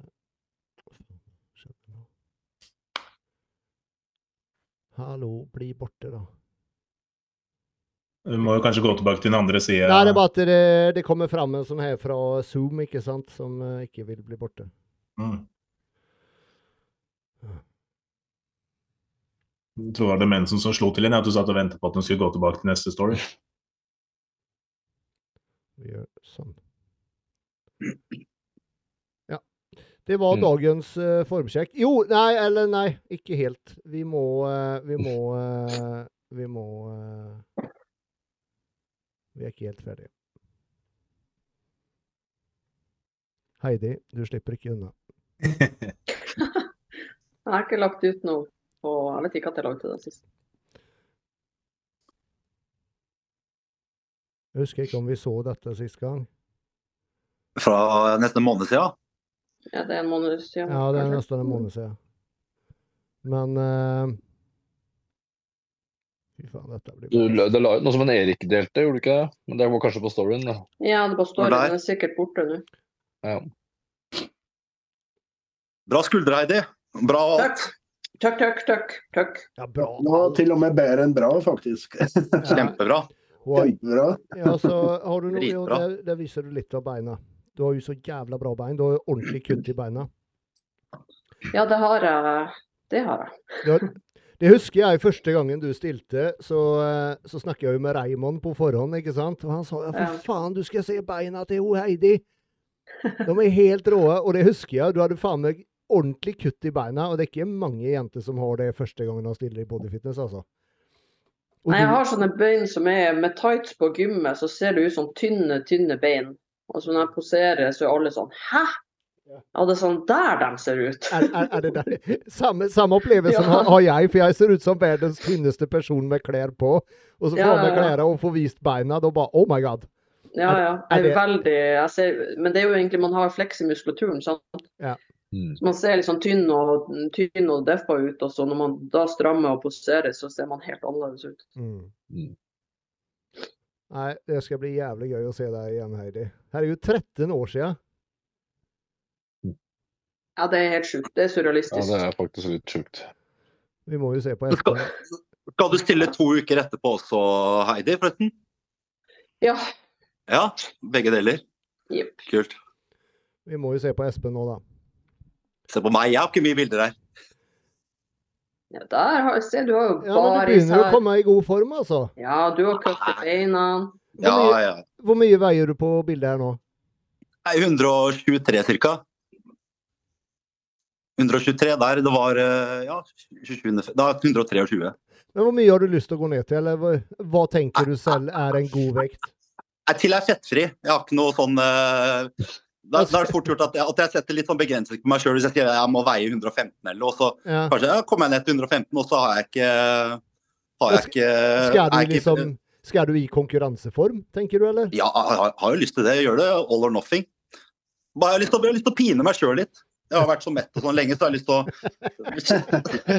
Jeg har lyst til å føle, føle meg dau et par-tre uker og liksom komme helt eh, Men jeg har jo snakka med Tommy Jeg har jo under fem i fettprosent på måleren hans. Det er egentlig målet, da. Kommer jeg under fem i fettprosent, så tenker jeg ikke så mye på vekta. Så jeg veit at bygger og sånn eh, Eller jeg veit ikke åssen nivået, men og sånn er på Sandefjord, men jeg håper jo at det er mange ned i tre og sånn på fettprosent på scenen. At alle er liksom i knallform. Mm. Men uh, under fem i fettprosent er i hvert fall målet. Så jeg har ikke noe sånn vekt. uh, jeg har beholdt uh, måten at jeg liksom ser at jeg beholder muskler, er at jeg beholder sånn styrken. Ja.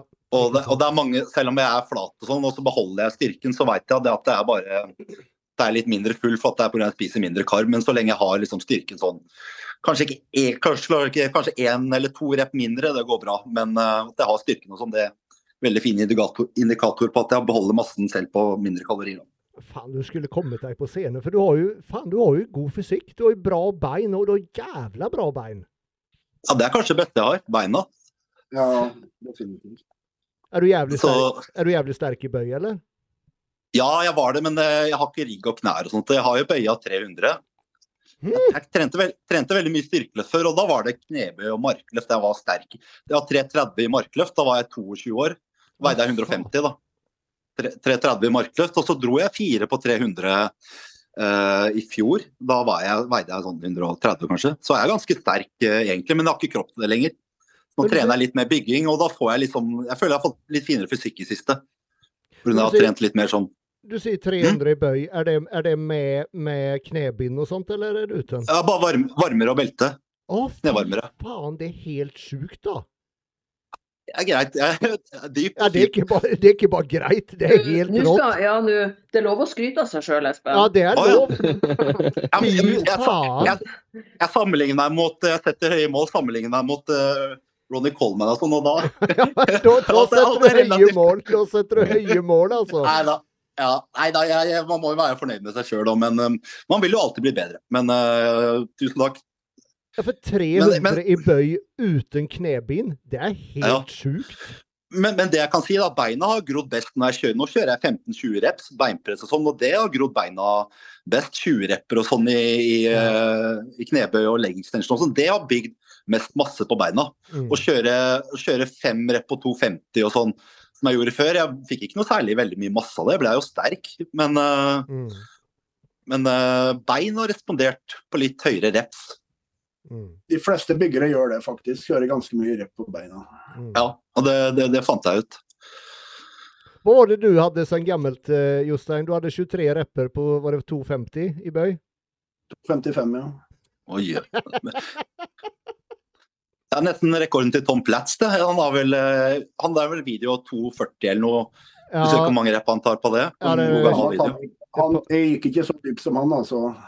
Nei, Han gikk på ass to glass, så vi skal ikke helt sammenligne med han. nei. Nei, men Det hadde kanskje vært kult hvis jeg skulle vært på scenen, sånn, så hadde det vært litt sånn Jeg har jo ikke noen forventninger. Jeg skal, hvis jeg skal på scenen, så vet jeg at jeg har gjort alt jeg kan til å vinne. Og så er, kommer det en sånn genetisk freak som vinner meg, og da blir ikke jeg noe lei meg for det. For da går jeg på scenen og vet at jeg har gjort så bra jeg kan. Og ikke store forventninger. Og så har det vært litt kult å tatt med kanskje følgere på TikTok og sosiale medier og sånn eh, med på det. da, Og ta en liten kanskje med på sånn reise. Jeg ser jo det er flere som skal stille nå som har TikTok og sånn, og, og deler tips og triks og sånn. Det kunne vært noe. Men eh, ikke noe jeg har tenkt til å Nei, jeg har ikke, jeg har ikke helt den interessen med å satse på det. Jeg er gymbro. Jeg Jeg har hjertet en gymbro. Liker å trene og spise. Hvor mye har du på, hvor mye har du på stangen her? Nei, det var 2,30. Og etter leg day eh, trente jeg med han eh, Knut og så han James Hollingshead. Og på, da hadde jeg, nå hadde jeg ikke tatt mark på lenge heller, da. Det ser lett ut, da. Ja. Da kjører eh, sånn eh, unitar, sånn god gammel fengselsdrakt. Ja, det er sånn, det er sånn back, to, back to the 80s. Back to the 80s. Ja, ja. Ja. Så det, nei, men jeg syns, det er moro å leve bodybuilding-livsstilen, men nå har jeg bare kommet i knallform. Mm. Det er, det er gøy, det, ja. Ja, ja, herregud. Det er jo ikke alle som har lyst til å komme på en scene. Det er, eh, og det er ikke noe must, Mm. det. Det er, bare, det er bare jeg tror du kunne gjort det jævlig godt. Og, det, og med tanke på at vi har, så, vi har så få byggere i Eller det er så få som på en måte satser på bygging, da. Mm. Så, eh, så det har vært Ja. Vi får se hva tiden bringer. Jeg må, jeg må bryte av. Vi skal ha middag og sånn her inne, så Selvfølgelig, Jostein. Veldig hyggelig at du tok deg tid å bli med, i hvert fall. Alltid hyggelig. Kos deg med kald kaffe. Riktig god helg, Jostein. God helg. Så, Kos deg masse. Jostein. Ha det. Takk. Ha det. Ha det. Eh, hvis du skulle ha stilt deg, har du tenkt noe retning IFMB eller MPC? Eller er det, har du ikke tenkt noe i den retningen i det hele tatt, kanskje? Nei, jeg har ikke tenkt noe på det hele tatt. det. Nei. Nei. Jeg vet, jeg vet ikke. Hvor gammel er du, Espen? Eh, 27. Født i 95. Så så blir det 28, eh, 28 nå ja, i november. Men det var egentlig først når jeg begynte å trene på Haralds eh, ja, litt over et år siden, at jeg begynte å trene mer sånn, litt mer bodybuilding. da. Jeg var som sagt veldig glad i tunge vekter. og så Når jeg er revmatiker, så ledda mine er liksom så som så og med tunge vekter, så jeg måtte modifisere treninga litt etter helsa. Og da faktisk gitt gode resultater på muskelvekst. Faktisk. Mm. Så legge, legge ego fra seg hjemme og, og fokus på kontakt. Har du, har du noen som coacher deg? Jeg tenker nå som du er på diett og sånne ting, eller kjører du helt etter eget hode? Nei, selvlært. Jeg, jeg, nei, jeg gjør alt sjøl. Han har jo tross alt studert dette, så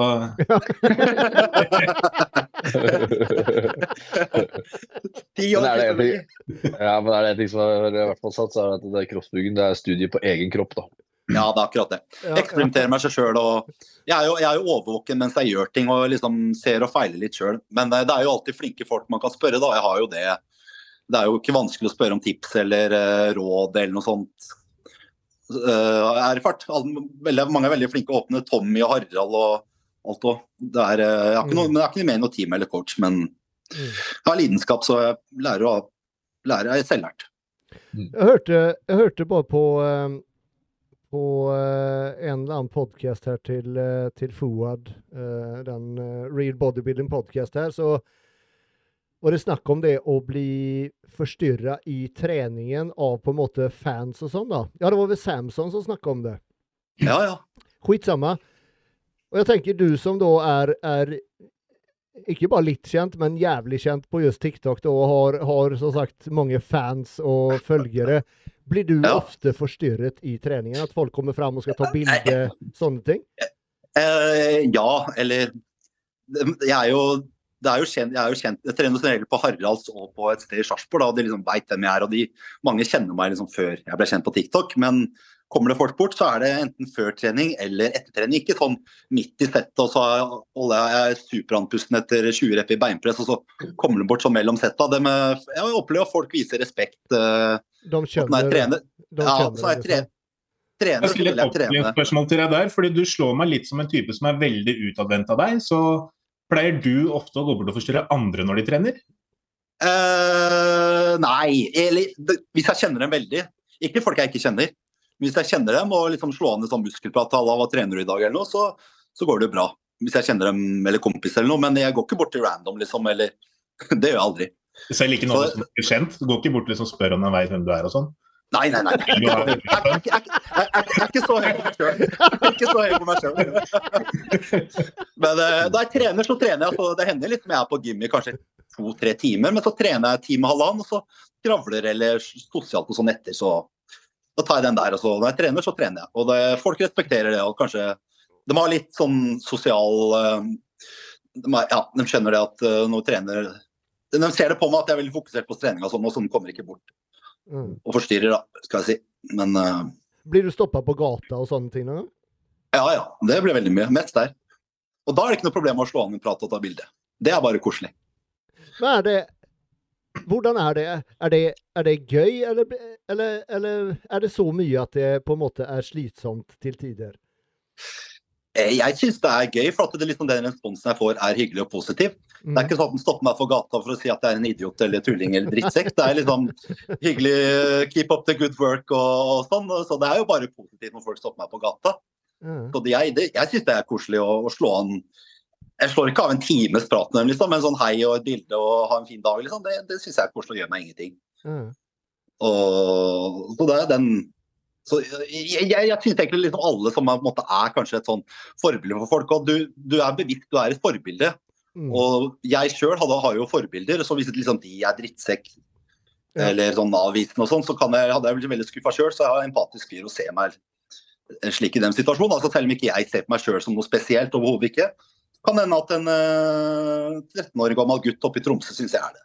Og det setter jeg pris på. Det er jeg veldig glad for. Mm. Og jeg er alltid ydmyk sånn. Du er jo, du er jo veldig Hva skal jeg si Du er jo veldig ærlig på Instagrammen. Du forteller egentlig ting helt som de er, alt mulig. Eh, Ja, ja. har, du fått, har du fått noe neg negativ respons på det? Altså, det er Ingen mennesker er perfekte, og så lenge Og de som ofte fremstår som perfekte, de skjuler noe eller lyver om noe. Så, så jeg bare er helt transparent og, og sier ting som det er, og sier hvordan det er. Og eh, nei, jeg har ikke fått, uh, fått noe særlig hat eller sånn på det. Nei. Det me meste av haten jeg, eller sånn, Det er ikke mye hat, men med sånn troll er kanskje sånn anonyme profiler. da Ja, på? TikTok og sånn, og da, det, det tar jeg ikke noe seriøst. Eller jeg tar overhodet ingenting for personlig, eller jeg bryr meg ingenting om det. Ja. Men det meste av sånn eh, kritikk eller hat eller sånn er av nettroll. Men det vet Ja. jeg ikke noe Det bryr jeg meg ikke noe om. og det, Folka der har har det ofte ikke så god, eh, godt med seg sjøl, så da ønsker jeg dem alt godt. Men jeg tar det ikke noe personlig til meg, selv om de kanskje hater meg. Så ønsker jeg dem fortsatt alt godt. Jeg har ikke noe, ikke noe hat eller noe mot de. Men jeg er meg sjøl, og det viktigste er at jeg liker meg selv. og kan ikke bli likt av alle. Helt riktig. Må. Men, men, de- men de som liker meg, de er, liker jeg òg. Men eh, det er noen som kanskje ikke liker å være stor og sterk og fordommer og stigmatisering og sånn der, og det er helt greit. Jeg prøver ikke, er min oppgave, jeg føler ikke at jeg har noe ansvar å prøve å forandre tankegangen til alle. Men uh... Vet du hva, akkurat den tenker jeg nesten er litt motsatt. Jeg tenker okay. at Har du en jævlig god mulighet til å faktisk belyse et stort problem? Vi har egentlig tatt opp det i en episode tidligere. ja, interessant Fordi- å høre. Ehm, helt fint at du ikke tar deg nær av det, men problemet er jo litt mer altså at Disse nettrollene som holder på sånn, da, de henvender seg jo ikke bare til deg. De Nei, nei, nei. er nettroll mot en eh, 20 år gammel jente som legger ut bilder som de ikke er fan av, og hva enn. Mhm. Absolutt. Og det er liksom det er, det er nærmest som at det har blitt en, en godkjent kultur, da, hvor det er lov til å slenge dritt om, om visse ting. Ikke sant? Og jeg, sånne, jeg, jeg, jeg har sagt det når jeg har nevnte forslaget at hvorfor ikke ha sånn bank-ID eller innlogging på sånn TikTok og sånn, så du ikke kan ha nettroll. Da er det mye enklere å ta tak i slike mobbing og sånn, at man liksom veit hvem folk faktisk er. Mm.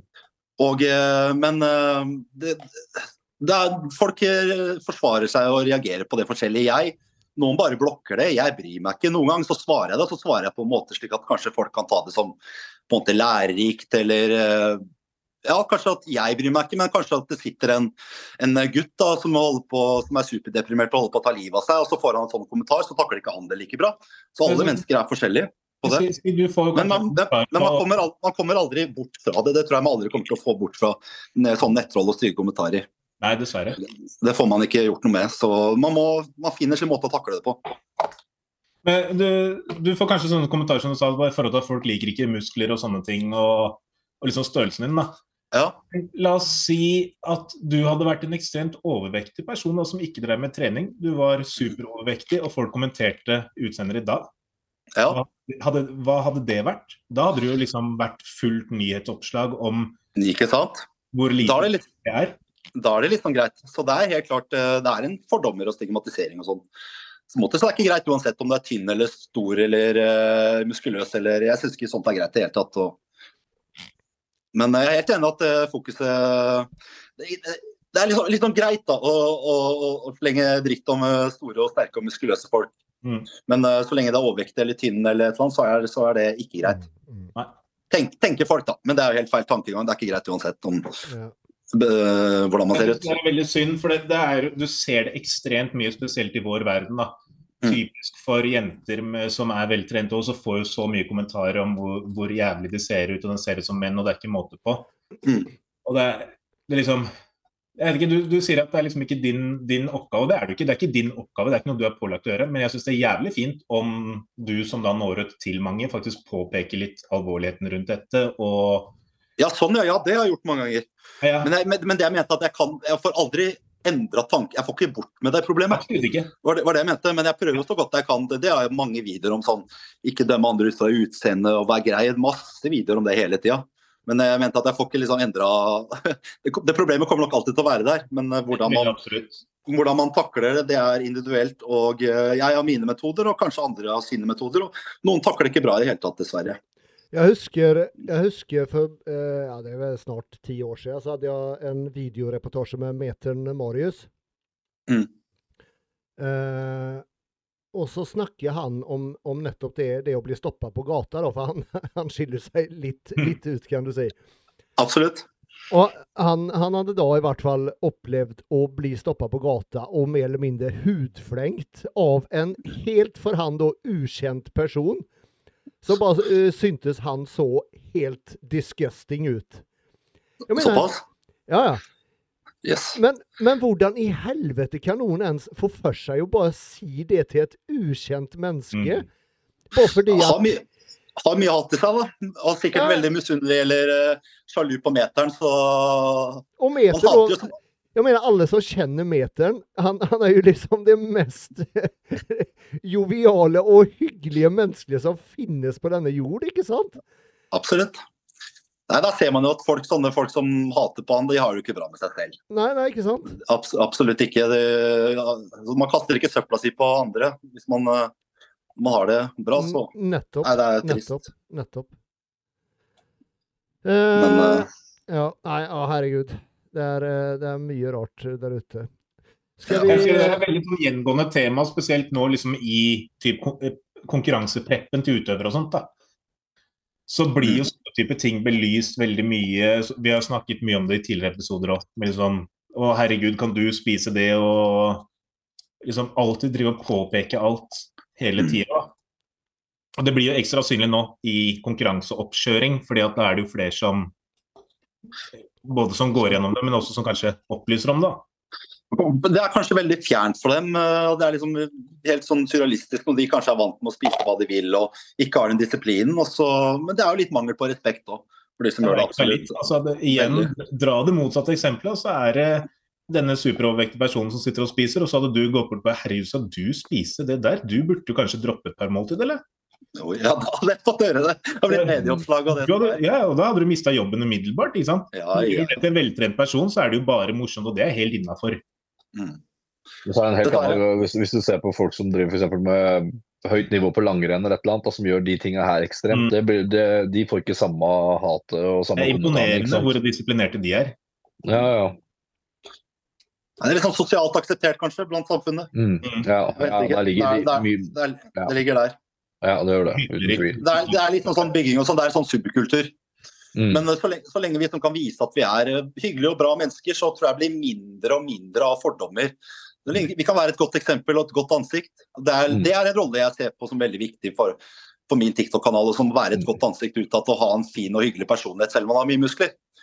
Mm. Absolutt. Så lenge man kan ha, ha, ha, profiler, altså meg eller andre som skiller seg ut muskuløst, men fortsatt har, eh, er hyggelig og kan uh, være et godt eksempel mot sånne ting, så tror jeg det blir mindre og mindre. Jeg tror det er, tror det er bedringens vei.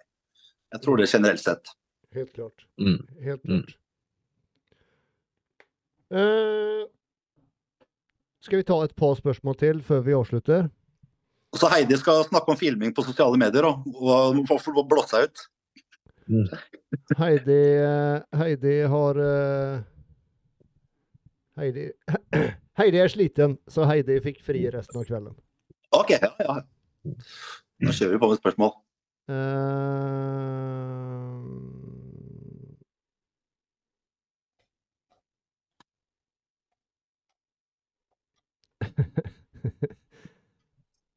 Det lover aldri godt når du sitter og flirer av spørsmål. Ja, den er litt morsom. Eh, eh, eller, eller jo, vi, vi kan starte sånn her at jeg må spørre deg, Espen. Ja. Om du må velge mellom et, uh, å gå ut og spise sushi eller Burger King, hva velger du? Sushi. Å, herregud. Jeg ville heller dra på McDonald's enn Burger King. Og jeg er ikke noe glad i Burger King. Seriøst? Ja. Mac-eren er mye bedre enn Burger King. Hva er det som er bedre med var Det er ingenting som er bedre med makken. Jo, friesa, friesa er Nei. muligens Nope. litt bedre. Jo. De har, de har kutta søtpotetfriesene på Mækkern, så Ja. Ja, Nei, jeg er men, foran Burger King. Og ja, da, herregud. Det- Denne, denne nye generasjonen, det er helt Skal vi bare gi oss der, Andreas? Ja, nå er, føler jeg nå, er dere enige med meg, gutta? Andreas? nå, nå Nei, jeg, jeg er sushimann, da, men jeg syns Ja, også Burger King er godt, da. Ja. Nei, jeg, ja. Nei, jeg er ikke noe særlig fan av Burger King. Men sushi. ja, nå, nå, nå ble jeg ja, Jeg var helt sikker på at Det du var skulle siste sagt gangen du Burger fikk være med. Ja, ja, ja, dette, dette, gidder, dette gidder jeg ikke. Dette gidder jeg ikke.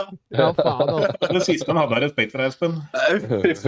Faen, altså. Hater på, Burger, på Burger King. Ja, ja, men greit. Vi tar spørsmålet her, da. Faen, altså.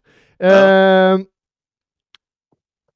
dra på McDonald's eh, og kun bestille salat, eller dra på et sushisted kun for wasabi og rekechips? Jeg vet ikke ens hva wasabi er for noe. Nei, da hadde jeg tatt salat, sikkert. Ja, det tror jeg faktisk hadde gjort. Helt enig. Ja. Ja, jeg, jeg er ikke veldig glad i McDonald's, men jeg, jeg, om jeg skal velge mellom sushi og McDonald's, da blir det faen meg McDonald's, altså. Du er ikke noe glad i sushi i det hele tatt? Det er jo for faen helt uspiselig, da. Nei, da har du ikke spist ordentlig sushi. Nei, det sier alle. Jeg har prøvd tre ganger, og tre ganger det holder mer enn nok. Jeg, jeg greier ikke Nei. Nei. Det er bare feil. Det er bare feil. Jeg, jeg vet ikke hva det er, men eh, det er noe med det som jeg ikke liker. Ja. Enkelt og greit. Alle er forskjellige. Det er... Ærlig det, Andreas. Ja, ja. Du skal få lov å ikke like det. Men jeg må si at jeg hadde håpet du skulle være litt mer enig med meg der, Espen. Ass. Faen. Nei. Men, men tenk så kjedelig en podkast har vært hvis alle har vært enige. da. Ja, det er sant. Så det må være, Det- det må være litt uenigheter og diskusjoner. Det er jo like Problemet her er jo at. Andreas er den eneste som er enig i det. OK. Det har vært den, ja. Uh, okay. Se så seriøs han ble. Han mista all sans for humor nå. Om, Uff, han ble seriøs. Han ble lei- Han ble lei seg. om, dere, om dere må velge mellom å spise tørr kylling, ihjelstekt torsk eller rå karbonadedeig, hva velger dere? Kylling. Kylling. Tørr kylling. Ja, uten tvil. Uten tvil. Skal vi se. Skal jeg se Det var ganske lett, faktisk. sånn? Ja, det Ja, var, ja, ja, det- det var egentlig det. Uh, Espen å se på scenen i fremtiden. Uh, fremtiden vil vise, kan vi vel si. Fremtiden. Kanskje gjesteposering. Ja, ja Time vil show. Ja. det hadde vært noe. Uh... ja, vi kan egentlig ta det.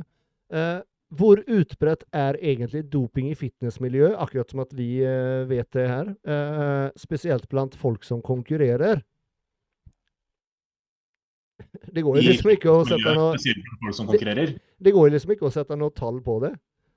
Det er jo Det, det eksisterer som det gjør i alle andre idretter. Men vi veit jo ikke hva som skjer blant blant lukkede dører, vet du, også hva folk sier. Det Ja. Nei, jeg, vi vet ikke, rett og slett. Det er umulig å si. skjer.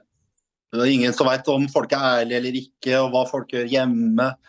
Ingen vet. Jeg vet ikke. Nei, ingen vet. Jeg, og egentlig bryr meg ikke heller, for å være ærlig. Nei, nei, samme her. Jeg Så kunne ikke bry meg mindre. nei. Eh, Hva vil dere si er det vanskeligste med en prep?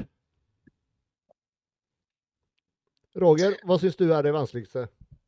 For vanskeligst for meg på en prep er jo å fungere i dagliglivet. Altså jobben øh, som jeg må gjøre. Stå i det. Det er det som jeg syns er verst. Uh, samtidig så er jeg glad jeg har noe å gå til, for at tida går mye fortere. Men uh, jeg jobber jo med mennesker. Jeg jobber jo med psykiatri og rus. og det er liksom når du når du begynner å bli tom og sliten i huet, så skal du jobbe med mennesker som sliter sjøl på ulike plan og har personlighetsforstyrrelser og er i rus og psykoser og sånn, så, så, er det krevende.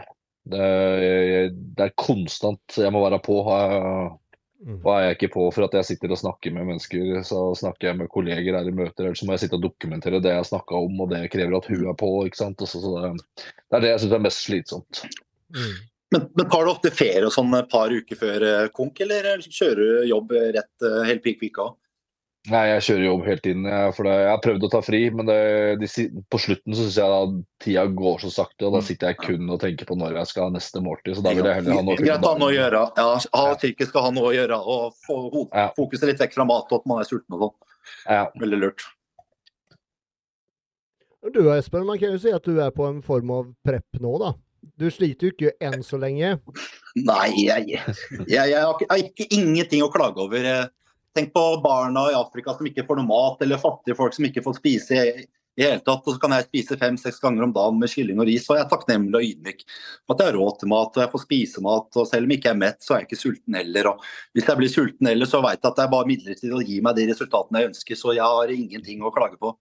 Og ikke noe jeg syns er vanskelig i hele tatt. Så, men hvis det blir vanskelig, så, tegner jeg på at, eller så er det sikkert tegn på at jeg gjør noe riktig jeg føler meg litt sliten, føler meg litt svak, føler meg litt mindre, så kanskje det er et tegn på at jeg faktisk er på rett vei og kommer i bedre form. Mm. Så nei, jeg, ja, Vet du hva, det, det, det er jævlig, et jævlig godt poeng og en, og en, veldig god måte å si det på. For, for just det å komme i konkurranseform, det krever noe ekstra. Du må gå liksom Du må gå litt inn i deg sjøl, du må gå litt ned i kjelleren, ikke sant? Og som du sier, at, at, når du faktisk må begynne å grave dypt, og at, at ting begynner å bli vanskelig, det er jo et god, en veldig god respons på at nå begynner ting å gå rette veien, ikke sant? Nasser El Sambati sa at uh, diet makes you or breaks you.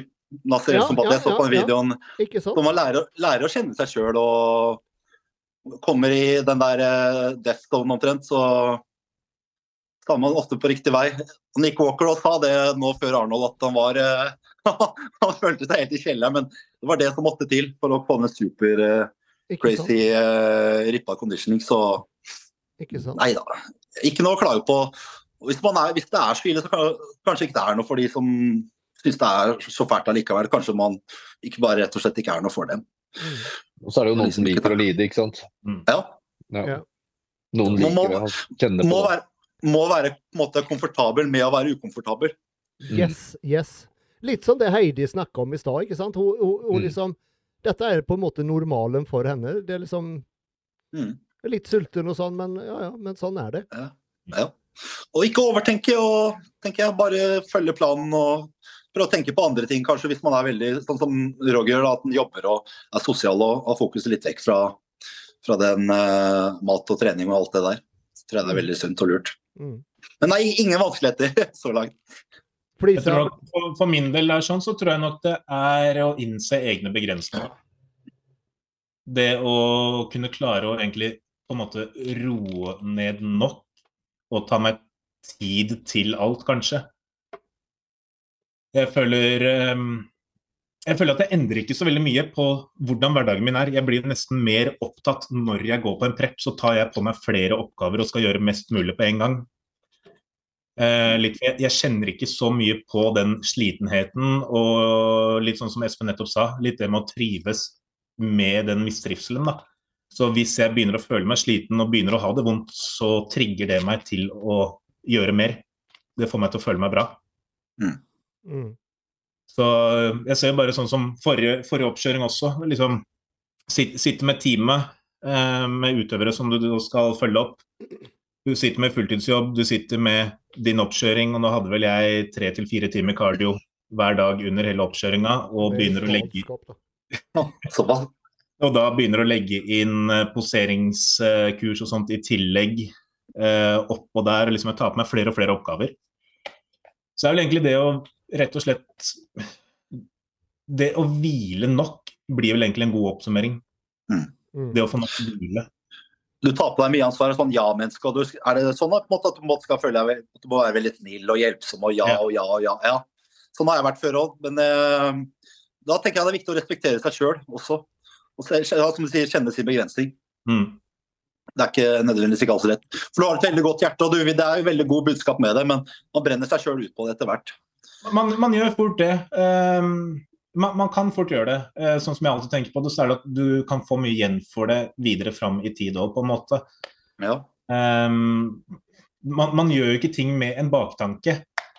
Du gjør det ikke fordi du tenker at en dag skal jeg få igjen med det, men det er liksom det er min rettferdiggjøring da, når folk sier sånne type ting. At eh, ja, men du kommer til å brenne deg ut, og det er på en måte ikke verdt det. Så er det sånn, Kanskje ikke nå, men kanskje om to år, så kanskje det er verdt det.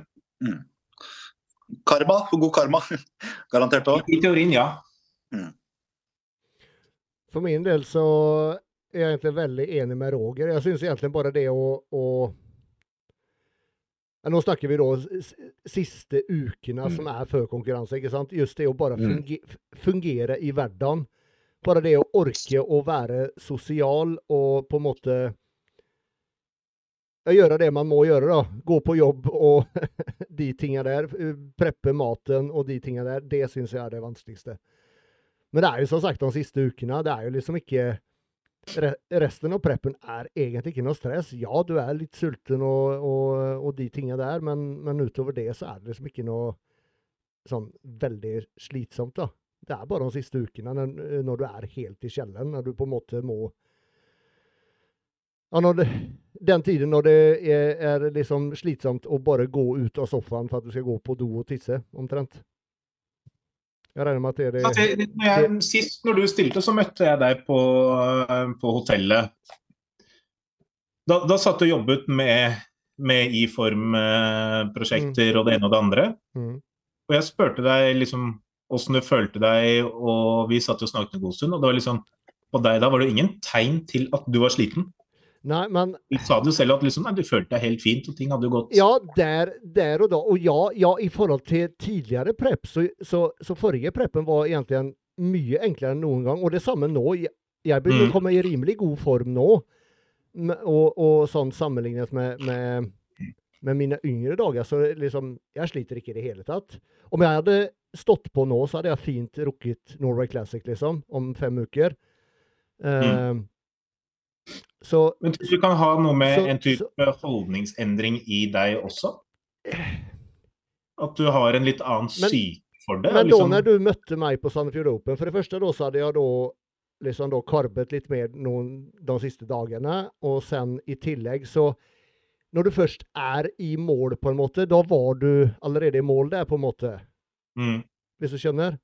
Ja. Jeg var liksom ikke på jobb, og jeg måtte liksom ikke gjøre ditten, og jeg måtte liksom ikke gjøre datten. Nå var det liksom bare kosekjøring da inntil Vi skulle liksom på scenen da dagen etter, ikke sant? Da er det Mm. liksom noe annet, føler jeg, da. Men, men eh, Men så er jeg liksom ikke den som sitter og For på den tiden der så kjente ikke Du og jeg kjente ikke hverandre så veldig godt om, Marius, ikke sant? Og jeg er liksom ikke den som sitter og klager sånn utåt til folk at ah, fy faen, bare, alt er bare drit, ikke sant? Jeg sitter ikke og sier det. Nei. Så, men, men Men selvfølgelig, jeg var jo, jeg var jo sliten, da. Men, men Jeg er jo ikke så sliten at jeg holder på å dø. Selvfølgelig ikke. Men, men det som er tungt, det er liksom hverdagen. Når du er hjemme, klokka Mm. ringer, du skal på jobb, du har en lang jobbdag foran deg. Det er det som er tungt. Ja. Og, og det er litt den der jeg kjenner på For, for jeg tenker litt den samme som akkurat det dere sier. sånn det, må- det må holde seg litt opptatt og på en måte glemme at du er sliten og sånne type ting. da. Det er jo litt av det som gjør at jeg også liker å gjøre andre ting. Men jeg sliter jo igjen med Gjør for mye. Balansen. Jeg tror det er noe som kalles en mellomting, har jeg hørt noe rykter om. Men nå, men, nå, men nå kan vi jo nevne at du har jo ADHD også, da. Ja, Så det er vel en, en, en liten bidragende årsak, er det ikke det? ja, ja det det er med på å fjerne litt av Kall det virkelighetsoppfatninga. Litt med at du sliter med å på en måte beregne helt nøyaktig hva som faktisk er realistisk og ikke. da. Du kan sitte og liksom sikte på veldig mye og innbille deg at ja, men det får jeg til. Og skal du legge liksom tidsplaner og sånn, så er det sånn ja, men ok, det tar så og så lang tid, og så kan jeg gjøre det fra da og det da og det da. Så viser det at du rakk én ting, fordi at det tok jo fire ganger lengre tid enn du innbilte opp i hodet ditt. Mm. Så sånn sett så er jo det med på, på å påvirke det, absolutt. Mm.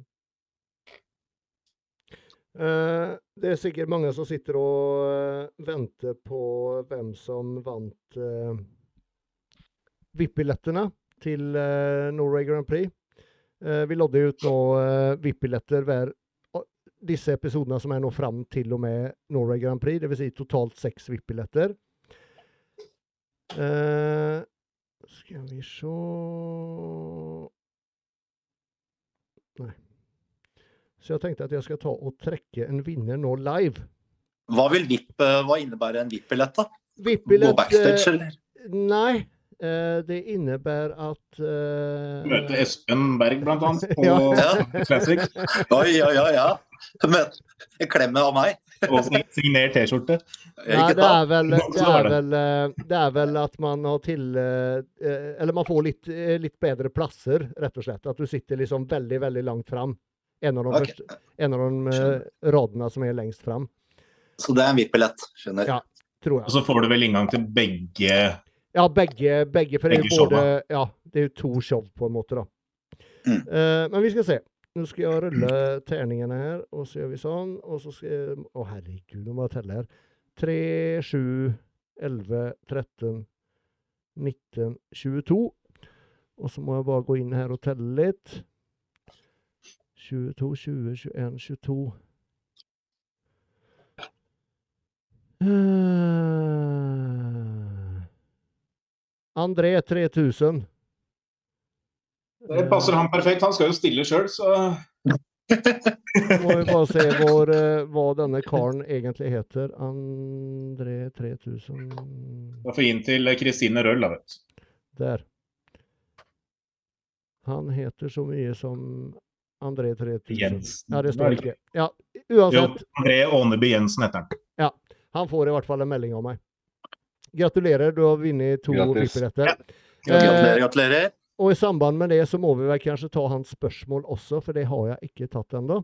Så tar vi det som siste spørsmål i dag. Okay. Skal vi se. Eh, og da lurer André på følgende. Bør man ikke spise etter klokka åtte til ni på kvelden pga. metabolismen, melatoninproduksjonen, døgnrytme osv.? Eller er det det totale kalorinivået? Eh, hvor mye har det å si når man spiser det man spiser? Med vennlig hilsen en aktiv lytter. Men, men skal han opp i vekt, eller hva er liksom målet? Er Han er jo konkurranseoppkjøring nå, da. Så Ok, han, han er eh, OK, skjønner. Ja, det, det, det kommer litt Noen får sove litt bedre ved å spise litt karb, eh, karbohydrat nærmere på kvelden. Det er fordi det karb kan indirekte serotoninproduksjon Mm. som gjør deg avslappet. Men, eh, Mm. men kanskje hvis du spiser rett før du legger deg, så kanskje fordøyelsessystemet er litt mer aktivt, at man svetter litt mer. tenker jeg. Så kanskje ja, Jeg personlig kan bare spise og gå og sove med en gang. Mm. Jeg, jeg trives på den måten. også. selvfølgelig, det er alt avhengig av mengde. Spiser jeg meg stappmett, så begynner det annet. Det er sånn for mengde, mengde også. Og jeg, jeg sover litt bedre hvis jeg på en måte er litt tilfreds. da. Mm. Og som du sier, Ja. så påvirker det jo litt grann, eh, hormoner i tillegg. Så. Ja, det er en nevrotransmitter. Men eh, jeg, jeg Mm. tenker at uh, hvis han uh, ja. ja, det er veldig individuelt. Mm. Men, men, det, men det sies jo det at hvis du ikke spiser karbohydrater eh, Hvis du har lave insulinnivåer før du legger deg, så får du mer veksthormon når du sover òg. Så hvis han ikke pga. er antagonisthormoner, insulin og veksthormoner, så at det produserer mer veksthormoner når man sover, i første 19 minuttene i dyp eh, rem-søvn. Så jeg, jeg, jeg, det er vanskelig å svare på det, så gi noe sånn konkret svar, men prøv litt frem og se, hva- se hva man sover best på, tenker jeg. Mm. Det er fortsatt mange dager til. Om man tenker sånn på prep, da, så det viktigste for meg på prep, det er å prøve å få sove det jeg kan. Mm. Og om jeg er sulten når jeg går og legger meg, så får jeg i hvert fall ikke sove. Nei, ikke sant. Det er noe med Så, det. så, så, så just på prep så har jeg rel relativt store måltider rett før jeg går og legger meg. Eh, kanskje ikke så jævla mye karb, egentlig, men, men en god del fett og en god del protein, så at jeg faktisk Så jeg spiser, og så går jeg rett og legger meg. Så at jeg på en måte legger meg ja, mett, da. Ikke sant? Ja. Litt morsomt, for jeg er jo helt motsatt. Hæ? Jeg, jeg liker også å spare maten min til ut kvelden, men jeg går ikke og legger meg før jeg kjenner at nå begynner jeg å bli skikkelig sulten. For I hodet mitt så blir det veldig den tanken med at hvorfor skal jeg ville spare et måltid for å spise det, for så å gå og legge meg, for så å våkne opp like sulten i morgen tidlig? Da har jeg kasta bort et måltid. Men hva faen er det du skal gjøre mens du sitter våken på kvelden da og er mett? det det er da du sitter altså når du, På kvelden da, når du sitter og eventuelt ser på TV, du har din alenetid, eller sånn som for, for min del, jeg sitter jo og gjør mest mulig jobb på kveldstid. Det er da jeg kvikner til. Det er jo fra klokka 11 og ut at jeg faktisk er våken. Såpass. ADHD, ADHD. Men, så for min del, jeg liker å sitte og kjenne på den sulten. Og jeg veit uansett at Men får du, sove, får du sove om du er sulten? Om du går og legger deg og er sulten? ja, ja, ja. Hæ? Det er så, altså, sul- sulten er bare en følelse. Det er enkelt å ignorere. Ja. Sult Det er ikke så enkelt, det er ikke så enkelt for alle, men eh, Nei, godt nei, Godt det. Høres bra ut. Ja. For min del så er det liksom en tanke at sulten plager meg ingen verdens ting. Så det eneste jeg oppnår, som, som sagt, er at uh, skal jeg spise mat, og så gå og legge meg, kjenne at jeg er mett fram til jeg sovner, for så å våkne opp og være dritsulten igjen. Da har jeg ikke fått noen nytte av det måltidet i løpet av den dagen, føler jeg. Ja, men Du jeg, resulterer jo best når du sover, så det er jo, du må jo, og det å ha litt byggestein og sånn i kroppen den natta er jo bare en fordel. Jeg spiser fortsatt et kveldsmåltid, men jeg går ikke og legger meg rett etter å ha spist. Jeg venter heller fram til jeg begynner å bli sulten igjen. Men, men, men, men, men bare for å si det sånn. Så om du spiser, eh, la oss si da klokka åtte, og så går du og legger deg klokka elleve, eller om du spiser klokka ti og går, eh, eller klokka 11, rett før du går og legger deg, og legger deg klokka elleve. Er du ikke like sulten når du våkner uansett? Jeg, jeg, jeg er like sulten uansett når jeg våkner. Mm. Ja, ja. Mm. Men Men man må tenke Det er behagelig å være våken når du sitter og har fått spist og du har den metthetsfølelsen i kroppen. Da, det vi snakker om nå, er jo rett og slett en personlig preferanser. Da. Det er jo liksom ikke noe Mm. hva er best her og ikke. Men det, men det, kan, det kan jo hende at kanskje han gjør fastende cardio på morgenen. Så hvis han da spiser tre timer før han legger seg, og så blir det kanskje fra han våkner så går det kanskje enda to timer til han spiser igjen, så blir det veldig lenge uten mat for uh, hvis de gjør fastende cardio òg. Så kanskje noen liker å spise rett før de legger seg og sove, så har de kanskje to timer til som er uh, Ja. med, med, med mat. Jeg spiser ikke første måltid før klokka ett-to på, på, på ettermiddagen uansett. Du kjører litt eh, faste? Periodisk faste? Ja, ja. Det, er Ja, det, som, ja. det er det som passer meg best. Som jeg Ja, ja. trives med. For å få, da får jeg Ja. igjen, igjen da, så får jeg et stort måltid på kveld, store måltider, ikke sant? Ja. Det er vanskelig å gi, for alt kommer an på altså, personlige preferanser. Så å gi sånn blanke svar på det. det er, prøv litt fram og finne ut hva man Ja. sover best på. Funker er for seg sjøl. Det er nettopp det det er. Personlig Personlige Mm. preferanser. Hva, hva trives du med? For sen, Mm. ja, det ene kanskje er bedre sånn fysiologisk sett at, at, at, sånn at du kanskje i året gror 2% mer på å gjøre sånn, men i, i det lange løp så tenker jeg at du du når samme resultatet uansett hva, hvordan du gjør det, ikke sant? Det er mange veier til rom. er å sile ut eksakte tidspunkt. Så sånn som han eh, skrev, da, å ikke spise etter klokka åtte eller ni, det beror jo helt på også da når går du eventuelt og legger deg. Ikke sant?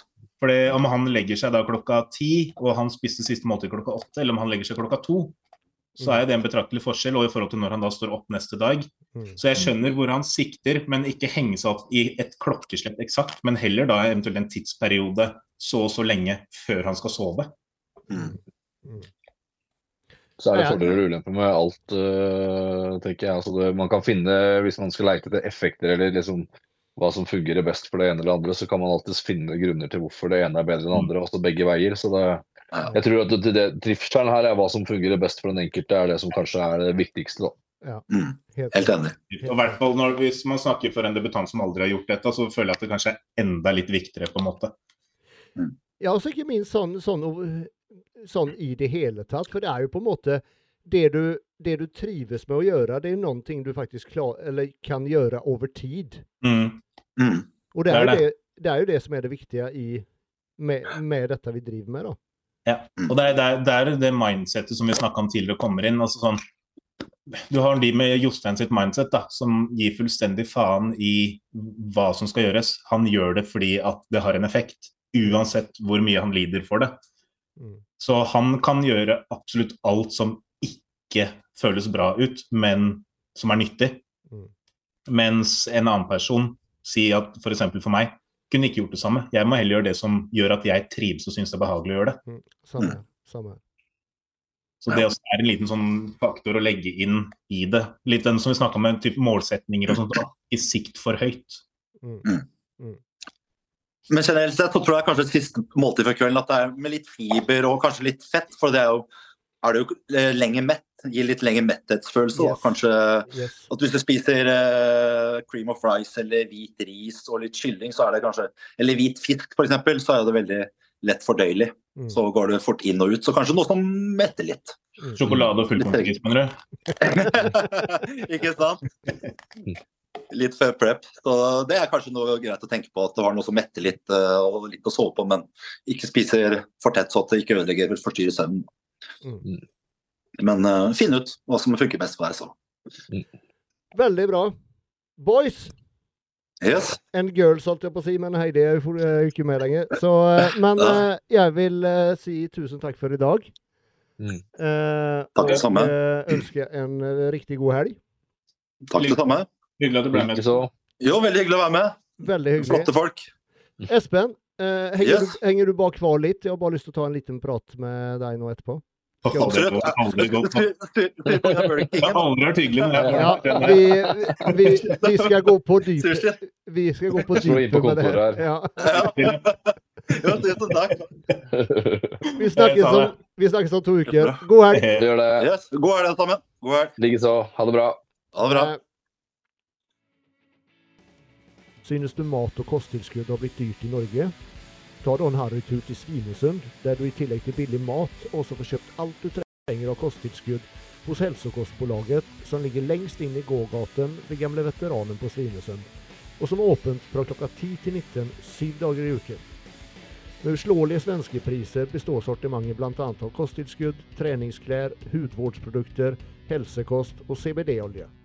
Verdt å nevne er at styrken i mange vitaminer er mye bedre enn her hjemme i Norge. D-vitamin f.eks. kommer med opptil 125 mikrogram. Med et stort og veldig bredt sortiment finner du alltid det du er på jakt etter. Og når man topper det med kunnig personal, personlig service og uslåelige priser, så blir du alltid en meget fornøyd kunde. Hälsokostbolaget lagerfører mange anerkjente varer og merker som ellers kan være vanskelig å få kjøpt i Norge.